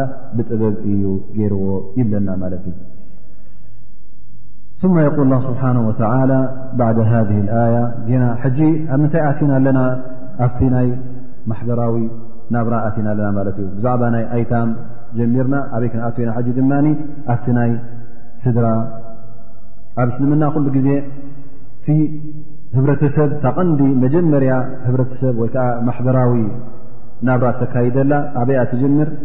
ኣብ ስድራ እያ ትጅምር ማለት እዩ እዚ ጉዳይ እዚ ድማ ኣላ ስብሓን ወተላ ዓብ ኣቃልቦ ዓብ ኣገዳስነት ስለ ዝሃቦ ኣብ ክታቡ ከመይ ጌርና ክንምርዖ ከም ዘለና እንታይ ኢና ንመን ኢና ንምርዖ ንመን ኢና ከ ዘይንምርዓዎም ከመይ ጌርና ከንፈትሕ ከመይ ጌርና ከ እቲ ኣብ መንጎና ዘሎ ኒካሕ ወይከዓ ኣብ መንጎና ዘሎ ዓቕዲ ከመይ ገይሩ ይቕፅል መዓዝ ከ ይብተን እዚ ኩሉ ኣላ ስብሓን ወተዓላ ተገዲሱ ኣብ ሓንቲ ሱራ ዘይኮነስ ኣብ ብዙሕ ሱራታት ጠቒስዎ ማለት እዩ ስለዚ እዚ ጉዳይ እዚ ኣብ ዲና እቲ ሓንቲ ስድራ ኮይንካ ክትነብር ሰብኣይን ሰበይትን ተመራዓዮም ኣብ ትሕቲኦም ውላድ ገይሮም እዞም ውላድ እዚኦም ከናብይዎምን ከዕብይዎምን ኣላ ስብሓን ወተዓላ እዚ ጉዳይ እዚ ዓብዪ ኣቃልቦ ገይሩሉ እዩ እስልምና ንገዛእ ርእሱ እውን ዓብዪ ኣገዳስነት ከም ዝገበረሉ ኣብቲ ኣብ ቁርን ዝሰፈረ ኣያታት እተ ርእና ኣላ ስብሓን ወላ ነዚ ጉዳይ እዙ ተገዲሱሉ ንረኽቦ ማለት እዩ ዛሊክ ስድራ ኮንካ ንክትነብር ውላድ ክትወልድ እዚ ኩሉ ካብቲ ደንብታት ኣላ ስብሓን ወተላ ዝሓንፀፆ እዩ እዚ ዝውለድ ውላድ እውን ባዕልኻ ክትናብዮን ባዕልኻ ክትዕብዮን ከለኻ ዓብዪ ኣ መጀመርያ ቆልዓ ክውለድ እንከሎ ከምቲ ነቢና ሙሓመድ صለ ላه ሰለ ዝበልዎ መን እዮም ንመገዲ ኸይርን ንመገዲ ሰናይን ወይ ከዓ ንመገዲ እከይ ዝሕብሮ ውለዱ እዮም ኩሉ መውሉድን የል ነቢ ስ ሰለ ይውለዱ ዓላ ፍጥራ ክውለዱ ከሎ ናፃ ፅሩይ ኮይኑ ኣብ ፊጥራ እዩ ዝውለድ ማለት እንተ ገዲፍካ እተ በዝን በዝን ዛ ዘይጠዋወኻዮ ናብ ተውሒድ ላ ስብሓን ወላ ገፅ እዩ ዝጓዓዝ ፈኣበዋሁ ይሃውዳን ኣው ዩነስራን ኣው ይመዲሳን ኣቦኡን ወይ የኸስንዎ ወይ ከዓ ኣይሁዳዊ ገብርዎ ወይ ከዓ መጁስ ገብርዎ ማለት እዩ ካብቲ ቅኑዕ ሕንፃ ዘውፅኦ መን እዩ ወለዱ እዮም ማለት እዩ ስለዚ እዚ ቆልዓ እዚ ፃዕዳ ቆልዓ ኮይኑ ስለ ዝመፅእ ፅውይ ኮይኑ ስለ ዝመፅእ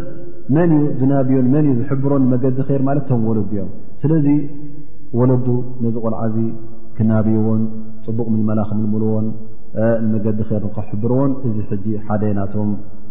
ግዜ ከም ምኳኑ ንርዳእ ማለት ስለዚ እንተ ቆልዓ ካብ ስድርኡ ወፅኡ ስድራ ዘይብሉ ቆልዓ እተ ኮይኑ ኣብ ናይ መንግስቲ ዝዓቢ ወይከዓ ፍመት ዓበይቲ ናይ ቆልዑት ናይ ህፃናት ናይ ዘኽታማት ኢልካ ዝዓቢ እተ ኮይኑ እዚ ሰብ እዚ ቀዳማይ ነገር እቲ ናይ ልዋህነት ናይ ወለዲ ዘለዎ እዚ እውን ክረኽቦ ኣይኮነን ኣብ ርእሲኡ እውን እዚ ቆልዓ ዝዳርጋ ጥፉእ ቆልዓ እዩ ዝኸውን ማለት እዩ ዲን ዝፈልጦ የለን ማለት እዩ ካብ መን ይክወስድ ዲን ካብቶም ዘዕብዎ ዘለዉ ማለት እዩ እንተ እታ ትዕብዮ ዘላ መንግስቲ ኣስላማዊት መንግስቲ ር ዘለዋ መንግስቲ እ ኮይና ናብ ር ክትሕብሮ ትኽእል እያ ካልእ ዓይነት መንግስቲ እኣ ኮይና ድማ ናይ የሁድ እ ኮይና ናይ ነሳራ ናይ ክርስትያን እ ኮይና ወይ እውን ናይ ሶሻሊዝም ተኣምን መንግስቲ እኣ ኮይና ናብያ ትወስዶ ማለት እዩ ናብዚ መድረክ እዚኣ ትወስዶ ማለት እዩ ስለዚ እዚ ጉዳይ እዚ ነቲ ህብረተሰብ እስልምና ዝዕቅብ ስለ ዝኾነ ነቲ ህብረተሰብ እስልምና ዝሕሉ ስለ ዝኾነ ቆልዓ ክዓቢ ከሎ እተ መጀመርያ ክዓቢ ከሎ መጀመሪኡ እተ ብጥዑይ ምልመላ ዘይተመልመለ ነቲ ህብረተሰብ ክበላሹ ስለ ዝኽእል ኣላ ስብሓን ወተላ ብዛዕባ ጉዳይ ናይ ስድራ ቤት ክንግደስ ከም ዘለና ወይ ከዓ ኣገዳሲ ከም ስለ ዝኾነ ኣብ ቁርን ኣላ ስብሓን ወተላ ኣብ ብዙሕ ኣያታት ጠቒስዎ ማለት እዩ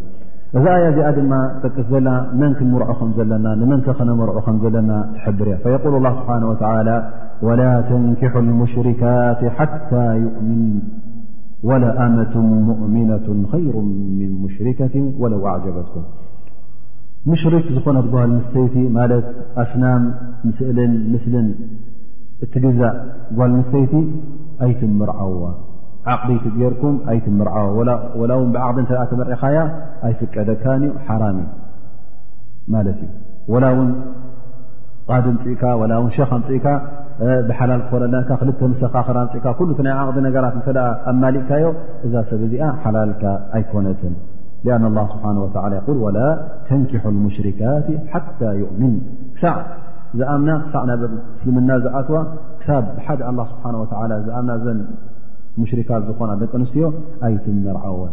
ወለኣመቱ ሙእሚናት ኸይሩ ምን ሙሽሪካ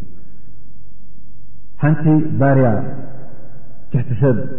ግዝእቲ ዝኾነት ገረድ ንዓ እንተ ተመርዓኹም ይሓይሽ እሳ ትበልፅ ኣስላመይቲ እተ ኮይና እሳ ትበልፀኩም ካብዛ ሙሽርክ እዚኣ ወላ ውን እዛ ሙሽርክ እዚኣ ጓል ንጉስ ትኹን ጓል መራሕ ትኸውን ኣቦኣ ወላ ውን ጎይታ ዓዲ ጭቃ ዓዲ ይኹን ወላ ውን እምኒ ዓዲ ይኹን ኣቦኣ እዚ ኮይኑ ወይ ከዓ ሳውን ካብተን ክቡራት ተባሂላ ዝፅዋዕ ትኹን ዳኣ እምበር እንተ ሙሽሪክ ኮይና እዛ ሰብ እዚኣ እታ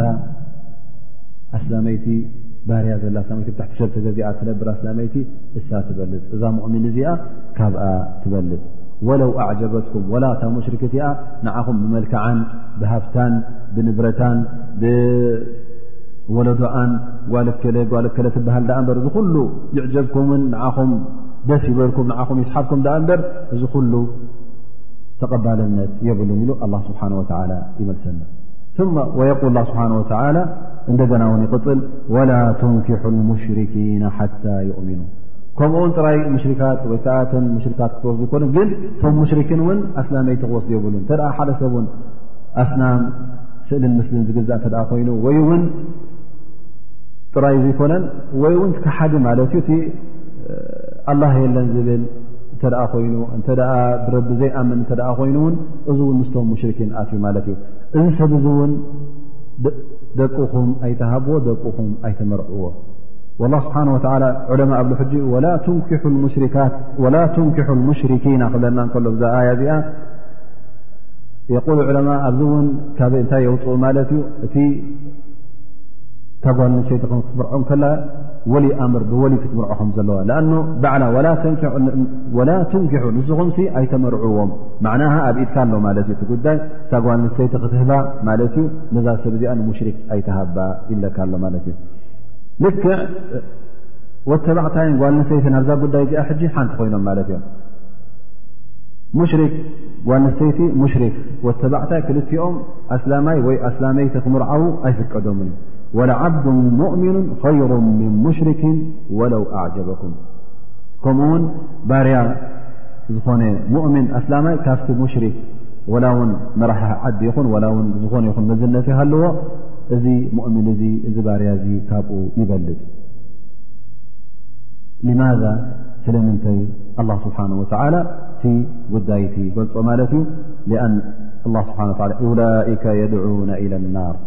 ወላሁ የድዑ ኢላ ልጀነት ወልመፊረት ብእዝኒ ምኽንያቱ እዞም ሰባት እዚኦም እዞም ሙሽርኪን እዚኦም ናበይ ሒዞም ኻዮም ዝኾኑ ኩሉ ተግባራቶም ናበይ እዩ ዝወስድ ናብ ጀሃንም ዘእቱ ኩሉ እውን ንጀና ዝመርሕ መን እዩ ዝመርሕ ኣላ ስብሓን ወላ እዞም ሰባት እዚኦም ግን እንተ ደኣ ናብኦም ቀሪብካ ተግባሮም ኩሉ ተግባር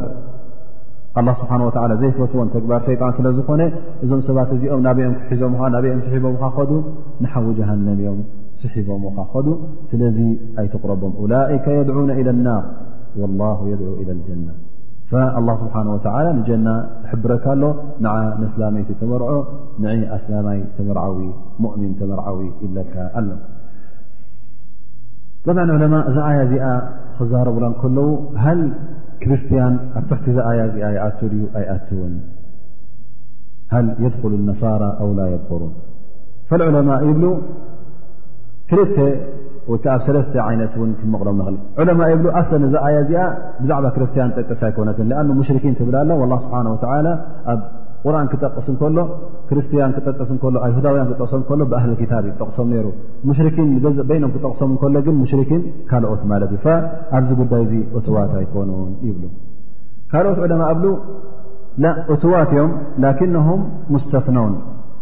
ብኻልእ ኣያ ውፁዓት እዮም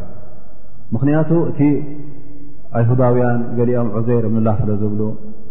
ዑዘይር ወዲ ኣላ እዩ ስለ ዝብሉ ከምኡውን ክርስትያን የሱስ ወዲ ኣምላኽ እዩ ስለ ዝብሉ እዚ ዓይነት እዚ ሽርክታት ስለ ዘለዎም ኣብቲ ሽርክ ኩሉ እትዋት እዮም ግን ብኻልእ ኣያ ኣላ ስብሓን ወተላ ሱረት ልማኢዳ ትርከብ ኣውፅዎም ንኣይሁዳውያንን ክርስትያንን ማለት ንኣህል ክታብ ፈቃል ላ ስብሓን ወተላ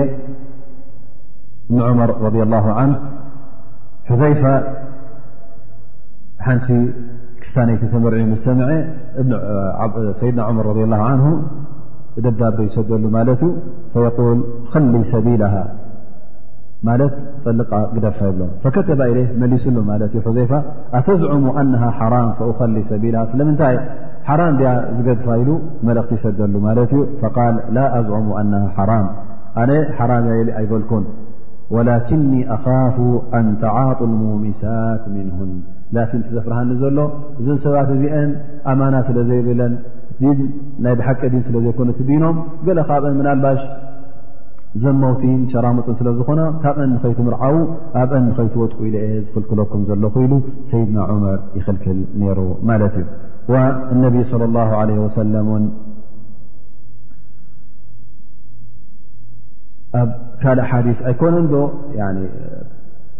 ክስታነይቲ ወይ ኣይሁዳዊት ንክትምርዖ እንተ ክትምርዖ ዘሊኻ መን ክትመርፅ ከም ዘለካ ነቢና ሙሓመድ ለ ላ ለ ወሰለም የል ትንካሑ ልመርኣቱ ኣርባዕ ትምርዖም ከለኻ ኣርባዕተ ነገራት እዩ ናብ ጓል ንሰይቲ ናብኣ ዘቕርበካ እንታይ ሊማሊሃ ገንዘባ ሓሰቢሃ ማለት ወለዶኣ ጓልገለ ጓልገለ ወሊጀማሊሃ ወይ ከዓ ንመልክዓ ወሊዲኒሃ ወይ ከዓ ንዲና ኢልካ እዘን ኣርባዕተ ነገራት እሰን እየን ዝስሕባኻ ማለት እዮ ናብ ጓል ንሰይቲ ወይ መልክዓ ዓጅበካ ወይ ሃፍታም ያልካ ተቐርባ ወይ ከዓ ጓልገለ ጓልገለ ኢልካ ወለዱኣ ፅሩይ ወለዱ እያ ኢልካ ዓፅማ ፃዕዳ ኢልካ ገለሜታት ኢልካ ትምርዓዋ ማለት እዩ ወይ ንዲኒሃ ወይ ከዓ ንዲና ማለት እዩ ነቢ ስለ ላ ለ ሰለም ኣብ መጨረሻ እንታይ ይብል ፈፈር ብዛት ዲኒ ተሪበት የዳ ሃذ ወእን ካነት ሙስሊማ ማለት እዩ ታዲን ዘለዋ ኣስላመይቲ ምረፅ ዝብለካ ኣሎ ማለት እዩ ፈመባልክ እንተ ነታ ኣስላመይቲ ገዲፍካ ኣይሁዳዊት ወይ ክርስትያነይቲ ክትምልዖ ከለካ ግን ሓራም ዩ ክትብል ኣይትኽእልን ኢኻ ሓራም ስለ ዘይኮነ ኣላ ስብሓን ወተላ ስለ ሓላል ዝገበሩ ምኽንያቱ እቲ ምስ ክርስትያን ወይ ከዓ ምስ ኣይሁዳውያን ዘራኽብ ብዙሕ ነገራት ስለ ዝኾነ እሶም እውን ናብ ዲን ኣልእስላም እውን ዝቐረቡ ስለ ዝኾኑ ኣላ ስብሓን ወተላ ሓላል ገይሩልና ማለት እዩ ክትምርዖ ከለኻ ውን ጓል ስተይቲ ወይ ከዓ ወተባዕታይ እዩ ሰበይቲ ክርስትያናይቲ ዝፍቀዶ ዳኣ እምበር ክስታናይ ጓል እስላመይቲ ክምርዖ ኣይፍቀዱን እዩ ማህማ ካል ኣስላማይ ምናልባሽ ክስታነይቲ ወይ ኣይሁዳዊይቲ ክምርዖ እዚ ፍቑድ እዩ ግን ኣስላመይቲ ኣይሁዳዊ ወይ ክርስትያናይ ክትምርዖ ግን ሓራም እዩ ምክንያቱ እቲ ስድራ ክትግበር ከሎ ኣብ እስልምና እተዳርእና እታ ስድራ መን እዩ እቲ ቀንዲ ዝኾነ ኣብዛ ስድራ እዚኣ ቶም ዝውለዱ ውላድ ብመን እዮም ዝስመዩ ቦቦኦም ድኦም ዝስመዩ በዲኦም ቦቦኦም እዮም ዝስመዩ ስለዚ ናብ ኣቦኦም ስለ ዝመሓላለፉን ቦቦኦም ስለ ዝስመዩ ናይ መን ዲን እዮም ክወስዱ ናይ ኣቦኦም እዮም ዝወስዱ ስለዚ ንወተባዕታይ ተፈቒድዎ ማለት ዩ ጓልንሰይቲ ግን እንተ ደኣ ተመርዕያ ካብቲ ህብረተሰባ ወፅያ ናብ ህብረተ በዓል ቤታ ሰብኣያ ስለ ትኸይድ ምስኡ ክትጠፍእ ማለት እዩ ኣይኮነ ዶ ደቃ ንሳ ውን ንኸይትጠፍእ ወይ ውን ንሳ ውን ዳርጋ ክትጠፍእ እያ ማለት እዩ ስለዚ እቲኣ ግን ጓልንሰይቲ ክርስትያኒቲ ኮይና ኣይሁዳዊት ኮይና ኣብ ሕብረተሰብ ኣስልምና ስለትኣት ዘላ ብንዳ ሰብኣያ ስለትኣት ዘላ መብዝሕትኡ ግዜ ድማ ሰብኣይ ዩ ጓልንስተይቲ ተመርዑ ናብ ቤቱ ዘምፅኣ ዳኣ እንበር እሳ ይኮነት ናብ ህብረተሰባ ትወስዶ ናብቲ ማሕበረሰባ ትወስዶ ስለዚ ኣላ ስብሓን ወተላ ክርስትያነይቲ ትኹን ወይ ከዓ ይሁዳት ክትምርዖም ከለኻ ነዚ ነገር እዚ እዩ ኣፍቂድዎ ማለት እዩ ላኪን ከምቲ ዝበልናዮ እቲ ዝበለፅን እቲ ዝሓሸን እቲ ረቢ ዝፈትዎን ተን ኣሕዋትካ ተን ብዝያዳ ንዐን ን ዘለዎን ብዝያዳ ንዐን ክትመርፅ ዘለካ ዳኣ እንበር ንዐን ገዲፍካ ኣብ ካልኦት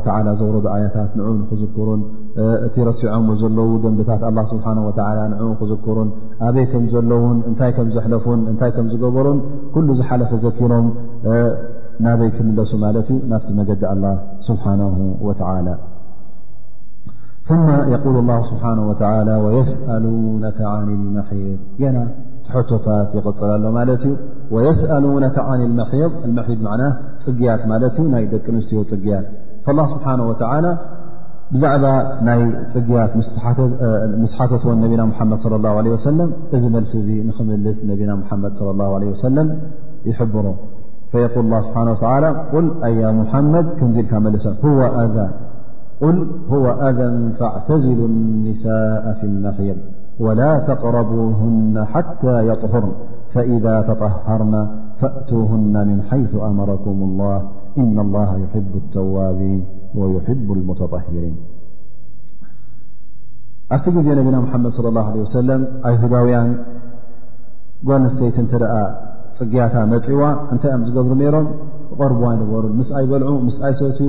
ኣብ ጥቓኣ ይቀርቡ ልክዕ ከም ርክስቲ ነጅስ ኮይኖም ኮይና ይርእዋ ስለ ዝነበሩ ይቐርቡ ኣይነበሩን ብዛዕባ እዚ ድማ ብዝያዳቶም ኣስሓብ ነቢ ስ ሰለም እቶም ኣይሁዳውያን እቲ ክታቦም ካብ ኣላ ስብሓን ወላ ዝወረዱ ክታብ ስለ ዝኾነ እቶም ኣብ መዲና ዝነበሩ ኣንሳር ብዙሕ ተግባራት ናይ ኣይሁዳውያን ንዕኡ ይኽተሉ ነይሮም ንሱ እውን ካብ ኣላ ዝወረዱ ኮይኑ ስለ ዝስምዖም ዝነበረ ነዚ ጉዳይ እዚ ሓቲቶምሉ ማለት እዩ ያ ረሱላ ላ ከመይ ንገብር ብዛዕባ ናይ ፅግያት ጓልንሰይቲ ፅግያታ እተ መፅዋስ ክሳዕ ክንደይ ክንቀርባን ክንራሕቃን ከም ዘለና ኢሎም ስለ ዝሓተቱ ኣላ ስብሓን ወተላ እዛ ኣያ እዚኣ ኣውሪዶም ፈል ላ ስብሓን ወላ ፈዕተዝሉ ኒሳእ ፊ ልመሒር ኣብ ግዜ ፅግያታ ነዛ ሰበይቲ እዚኣ ኣይትቕረብዋ ኣይትቕረብዋ ማለት ከዓ ወላ ተቕርቡና ሓታ ይኹን ማለት ስጋዊ ርክብ ኣይትፈፅሙ ማለት እዩ ድኣ እምበር ኣይተንክፍዋ ኣብ ጥቓኣ ኮፍ ኣይትበሉ ወይ ከዓ ኣብ ሓደ ዓራት ኣይትደቅሱ ማለት ኣይኮነን እንታይ ደኣ እቲ ተኸልከለ እቲ ስጋዊ ርክብ ማለት እዩ ሊኣነ ነቢ ስለ ላሁ ለ ወሰለም የቁል እስናዑ ኩለ ሸይ ኢለ ኒካሕ ሰበይትኻ ወላ እውን ኣብ ግዜ ፅግያ ተሃሉ ድላይካ ፈፅም ኢላ ስጋዊ ርካብ ርክብ ምፍፃም ማለት እዩ ካልእ ነገራት እተ ኣሎ ኮይኑ ናይ ቅድሚ ስጋዊ ርክብ ዝግበር ኣይ ዝኾነ ይኹን ተግባር እተ ገርካ ይፍቀደካ ማለት እዩ ግን ታ ቀንዲታ ስጋዊ ርክብ ክትፍፅማ የብልካ እዚ ነገር እዚ ንሰምዑ እቶም ኣይሁዳውያን ሕጂ እንታይ ኢሎም እም እዚ ሰብኣይ ዚ ኩሉ እቲ ንሕና ንገብሮ ነበርና ኣንፃርና ኣንፃርና ይኸይዳ ኣሎ ኢሎም ክዛረቡ ጀሚሮም ማለት ፈቃል ማ ዩሪዱ ሃ ረጅል ኣን የድዓ ምን ኣምርና ሸይኣ ኢላ ካለፈና ፊህ እንሻ ላ ባሕሪ ኣዛ ኣይሁዳውያን ነዚ ነገር እዚ ምስ በሉ እዚ ሰብኣይ ይ ማለት ነቢና ሙሓመድ ለ ላه ለ ሰለም ኩሉ ነገራት ንዓና ዝካልፍ ምሳና ዘይሰማማዕ ኣንፃርና እዩ ዝኸይ ዘሎ ኩሉ ኣንፃርና እዩ ዝኸይ ዘሎ ኢሎም ክዛረቡ ጀሚሮም ኡሰይድ እብን ሑር ዓባድ እብን ብሽር ዝበሃሉ ክልተ ኣስሓብ ነቢ ለ ላه ለ ሰለም ነዚ ነገር እዚ ዝሰምዑ ናብ ነቢና ሙሓመድ ለ ላ ለ ወሰለም ይመፁ ማለት እ ያ ረሱላ ላ እዞም ኣይሁዳውያን ስም ከምዝን ከምዝን ኢሎም እሞ ብዝያዳ ንዕኦም ንክንካልፎምሲ እሞ ጅማዕ ተገበርና ማለት ስጋዊ ርክብ ተገበርና ብ ግዜ ሓየት ከኸመዩ ይብሉ ማለት እዩ ፈነቢ ስለ ላ ሰለም ተغየር ማለት እዚ ነገር እዚ ዝበልዎ ስለ ዘይፈትዎ ኣ ላ ስብሓ ላ ናሃ ዓን ዛሊክ እዚ ጉዳይ እዚ ገብርዎ ጌጋ ከም ምኳኑ እነቢ ስ ሰለም ተغየረ ወጅ ገፁ ተغይሩ ማለት እዩ ሓታ ظነና ኣነ ወጀደ ዓለይህማ ማለት ዝኾርን ብጣዕሚ ዝተቆጥዐ ክሳዕ መሲሉና ኢሎም ማለት እዩ እሞሶም ከዓ ሕጂ ሰንቢዶም ማለት እዩ ዓብ ነገር ኢና ተዛሪብና ኢሎም ማለት ላኪን እነቢ ስ ሰለም ፅንሕ ኢሉ ፀባ ይመፆ ማለት እዩ ፀባ ምስ መፆ ሃድያ ነዞም ክለተ ፀዊዑ ንዑስተ ይብሎም ማለት እዩ ስትም የቁል ፈዓሊምና ኣነ ለም የጅድ ም እዎ እቲ ዝበልዎ ጌጋ ከም ምኳኑ ሓቢርዎም ማለት እዩ ምክንያቱ ኣላ ስብሓን ወተላ ወላ ተቅረቡና ሓታ የጥፍርና ስለ ዝበለ እዚ ጉዳይ ዚ ንዕኦም ንክትካልፍ ኢልካስ ነቲ ክታብ ኣላ ስብሓን ወተዓላ ክትካልፎን ኣንፃሩ ክትከይድ ከም ዘይብልካ ክሕብር ማለት እዩ ነቢና ሙሓመድ ለ ላ ሰለም ስለዚ ከምቲ ሰይድ ዓይሻ ትብሎ ዝነበረት ብዛዕባ እዚ ጉዳይ እዚ ብዝያዳ ትፈልጦ ማለት ን ደቂ ንዝተን ኣንስቶም ነቢና ሙሓመድ ለ ላ ለ ወሰለም እየን ማለት እዩ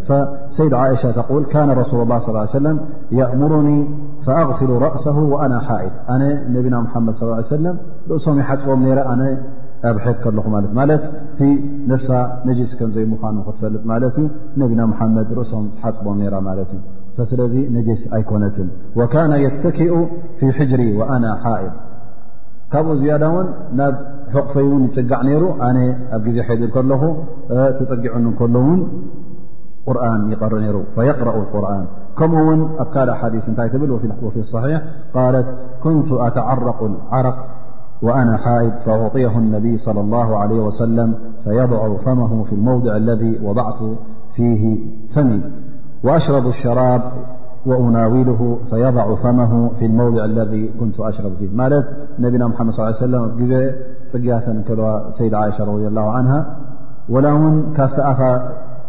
ኣብ ኣፋ ዝለገበ ማለት ሓንቲ ዓፅሚ እተ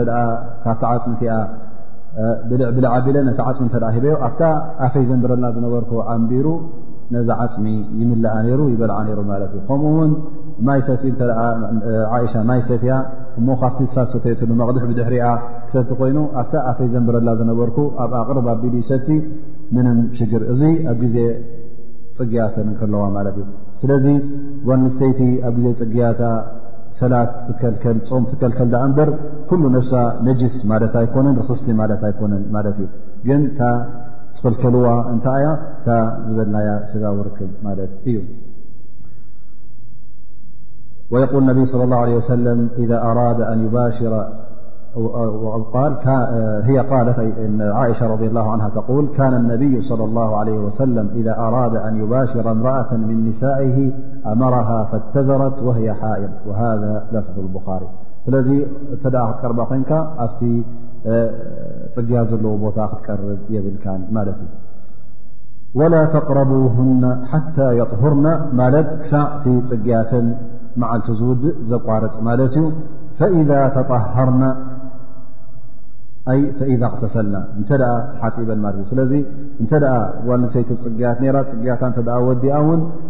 ክትቀርባ እተ ኮይኑ ስጋዊ ርክብ ክትፍፅም እተ ኮይኑ ግዴታ ክትሕፀብ ኣለዋ ከይተሓፀበት ክትቀርባ የብልካ ወላ እውን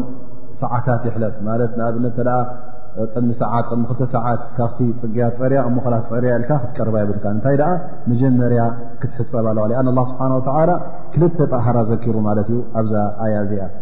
ወላ ተቅረቡና ሓታ የርና የርና ን ልሓይ ማለት የተወቀፍ ደው ክሳዕ ዝብል ማለት እዩ ፈኢዛ ተጠሃርና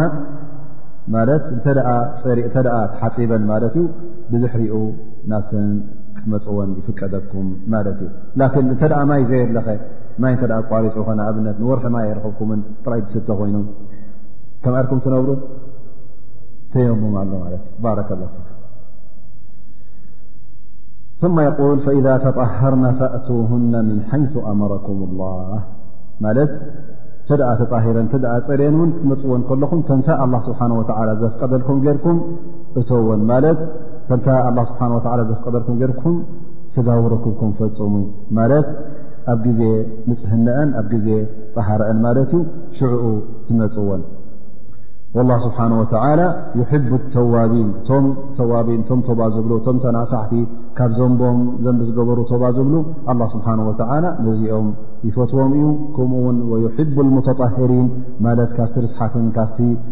ሕማቕ ተግባራትን ክልተ ዓይነት ጠሃራ ኣሎ ማለት እዩ እቲ ሓደ ጠሃራ እቲ ናይ ስውነት ጠሃራ ማለት እዩ ከምዚ ሕድ ዝርኣ ዝበልናዮ ወይ ከዓ ፅግያት ንገዛእ ርእሱ ርስሓት ስለ ዝኾነ እዚ ርስሓት እዚ ክሳዕ ዝፀሪ ክትፅበለካ ኣ ላ ስብሓ ል ቁል ዋ ኣዛ ማለት ርስሓት እዩ ካብዚ ርስሓት እዚ ረሓቑ ላ ስብሓን ወተላ ንፅህናን ፅሬትን ይፈትወልካ እዩ እቲ ንፅህናን ፅሬትን ናይ ልቢ ፅሬት ማለት ካብ ሽርኪ ካብ ኣስናም ንምስልን ምስጋድን ንዕኦም ምምላኽን ካብ ክሕደትን ካብኡ ክፀሪ ልብኻ ከምኡ ውን ስውነትካ ውን ካብቲ ርስሓት ካብ ደም ካብ ሽንቲ ካብ ከምዝኣመሰለ ነጃሳታት ካብኡ ንክፀሪ እውን ኣላ ስብሓን ወላ ይፈትዎ ዩ ላ ስብሓን ወላ ይሕቡ ተዋቢን ዘንቢ ገይሮም ካብቲ ዘንቦም ተባ ዝብሉን ወይሕቡ ልሙተጠሂሪን እቶም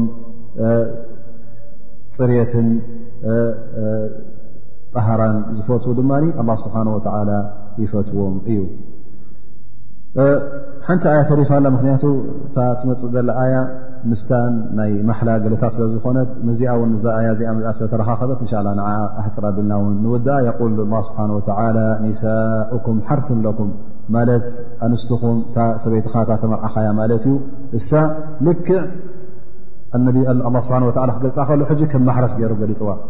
ኣንስትኹም ማሕረስኩም እየን ማሕረስ እንታይ ማለት እዩ ሓሪስካ ተፍርየሉ ስለዚ ነዛ ሰበይቲ እዚኣ ክትምርዓዋ ከለኻ ክተቕርባ ከለኻ ስጋዊ ርክብ ትፍፅም ከለኻ ንያኻ እንታይ ክኸውን ኣሎ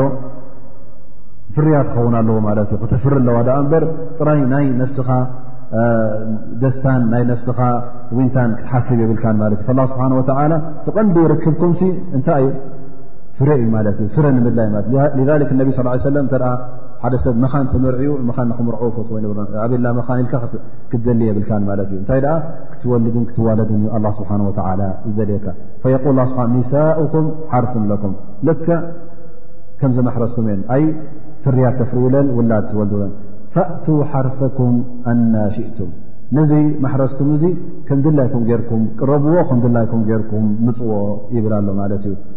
ላ ስብሓን ወተላ ሰበይትኻ ስለ ዝኾነት ብድላይካ ሸነኽ ንኽትመፃ ብድላይካ ሸነኽ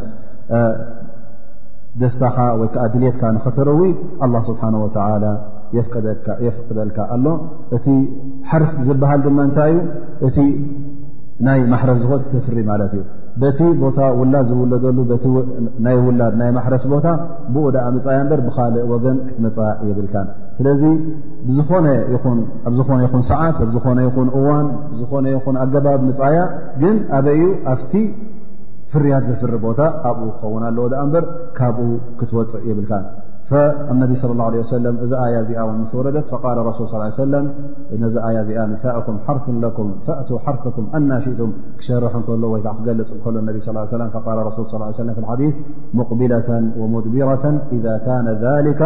ፊ ልፈርጅ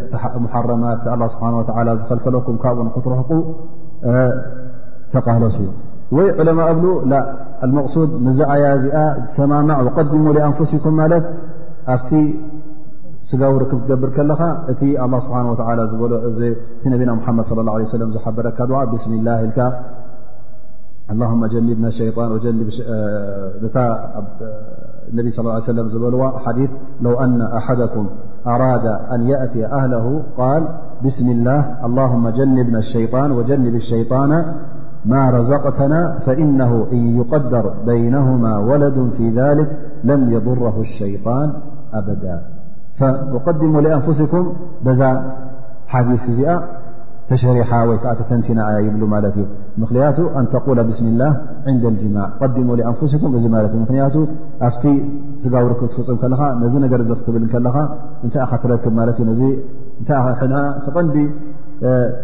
ጉዳይ እንታይ ኢልና ከም ማሕረስ ንፍርያት ኢኻ ቀሪብካ ዘለኻ እዚ ፍርያት እዚ ሰናይ ፍርያት ንክኾነልካ በዓል ር ካብ ሰይጣን ዝረሓቐ ንክኾነልካ ጁዓ ግበር ማለት እዩ ቀዲም ለ ኸይራን ከምዛ ሓዲስ እዚኣ ከምቲ ነቢና ሓመድ ስ ሰለ ዝበልዎ እንተ ሓደ ሰብ ናብ ሰበይቱ ስጋዊ ርክብ ክገብር ቀሪቡ እንታይ ክብል ኣለዎ ብስሚ ላ ኢሉ ይጀምር ብስሚ ላ ኣላሁመ ጀኒብና ሸይጣን ወጀንብ ሸይጣን ኣበረዘቕተና ኣንታ ረቢ ሸይጣን ካባና ኣርሕቆ እቲ ዝውለድ ውላድ ውን ትርቂ ውላድ ርቂ ዩ ሽሻ ዩ ማለት እዩ ትትበና ዘለካ ሽሻይ እውን ንኡ ውን ካብ ሸይጣን ኣርሕቆ ኢሉ ድዓ ይገብር እንተ ኣብዛ መዓልቲ እዚኣ እዛ መዓልቲ ድዓ ዝገበርካላ ኣላ ስብሓን ወተላ ድቂ ክትሕዝታ ሰበይትኻ እተ ቀዲሩ ውላድ እተ ክትወሃብ ተቀዲሩ ለም የضረሁ ሸይጣኑ ኣበዳ እዚ ዝውለድ ውላድ ሰይጣን ኣይጎድኦን ኢሉ ነቢና ሙሓመድ ለ ላ ለ ሰለም ሓቢሮምና ማለት እዩ እዚ እዩ እዛ ናይ ሎም መዓልቲ ደርስና እንሻ ላ ኩላና ውን ተጠቒምና ንክንከውን እንሻ ላ ሓደ ክልተ ፋኢዳ ንወስድ ክሳዕ ኢማም ኢቃማ ዝብል ማለት እዩ ሎም መዓልቲ ዝሓዝናዮ ፋኢዳ ን ን ኣላ ስብሓን ወተላ እቲ ሸርዕታት ከውርዶ ከሎ ናባና ብዝያዳ ድማ ተናይ መስተ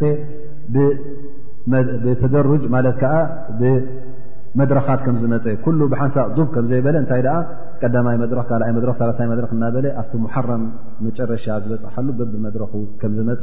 ኣብ ሎማዓልት ዝወሰድናያ ደርሲ ተጠቒምና ኣለና ማለት እዩ ን ፀበል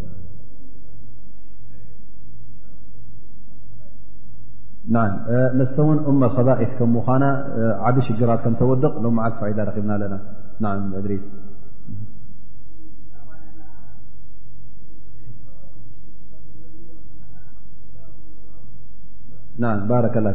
ከምኡ ውን እቲ ጉዳይ ናይ መርዓውን ሰልካ ኣምፅእካ ዝኾነ ጓል ንሰይቲ ርክብካ ኢልካ ምምርዓው ኣይኮነን እንታይ ኣ ስብሓ ደንብታት ገይሩልና እዩ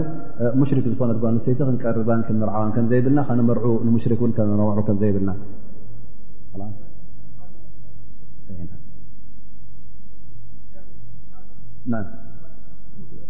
بارك الله فيك كمو استجابة الصحابة رضوان الله عليهم للنبي صلى الله عليه وسلم في قضية الخمر ال تقبلن ثنايتم أصحاب النبي صلى الله عليه وسلم ت مست حرام كويناا فهل أنتم منتهون مستبهلو كلم اتزاز الله سبحانه وتعالى أخبرم ሓንቲ ደቂቕ ከይፀንሑ ከለዉ እቲ ምስኦም ዝነበረ መስተን እቲ ምስኦም ዝነበረ ኣስካሪ ነገራት ኩሉ ከም ዘፍሰስዎ ርኢና ኣለና ዘይጠዓሚ ክጥዐ ሽ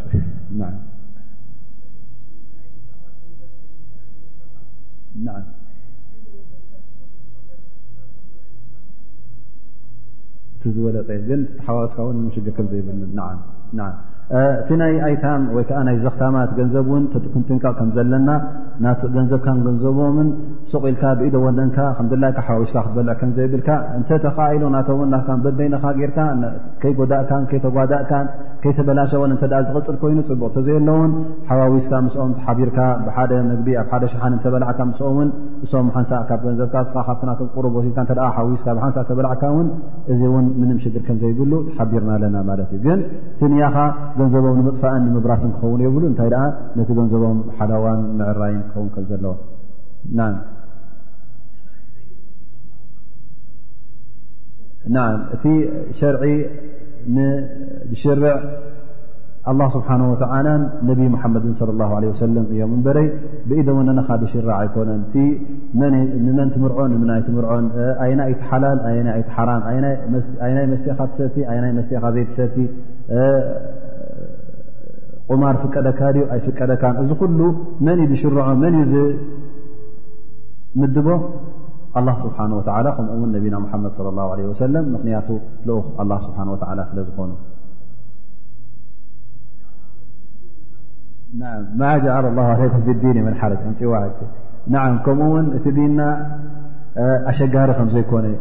ፈኪስ ዲን ከም ምኳኑ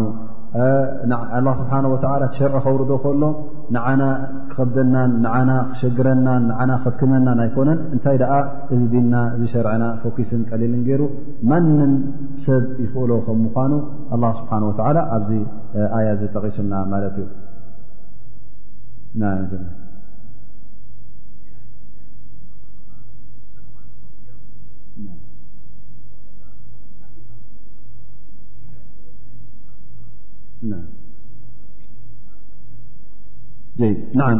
እታ ዝላ ዘሎ ኣስላማይ ውን የሁድያ ትኹን ክርስትያነይቲ ኣህሊ ክታብ ማለት እዩ ክትምርዖ ከለኻ ውን ሽሩጥ ገይሩሉ እዩ ቅድሚ ኩነት ገይሩሉ ማለት እዩ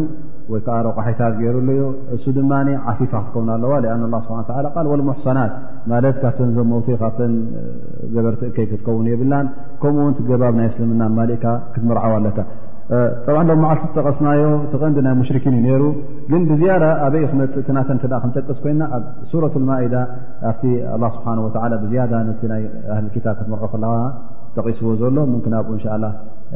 ኣብ ዝመፅ ዘሎ ኣንውሓ ቢልና ንጠቕሶ ማለት እዩ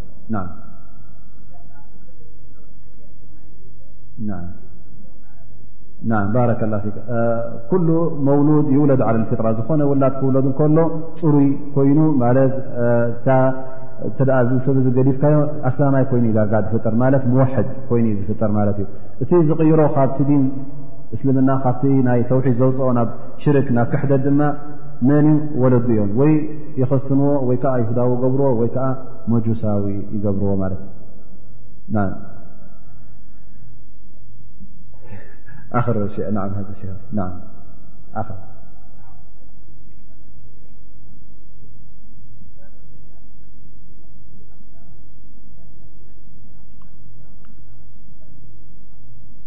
ካብቲ ነዚ ናይ ፊጥራ ወዲ ሰብ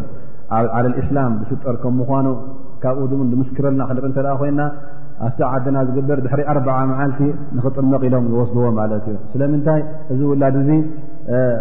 ኣይኸስተንን ማለት ዩ ና ፅሩይ እዩ ዘሎ ኢሎም እዮም ዝወ ዳሕራይ ኣበይ ወስድዎ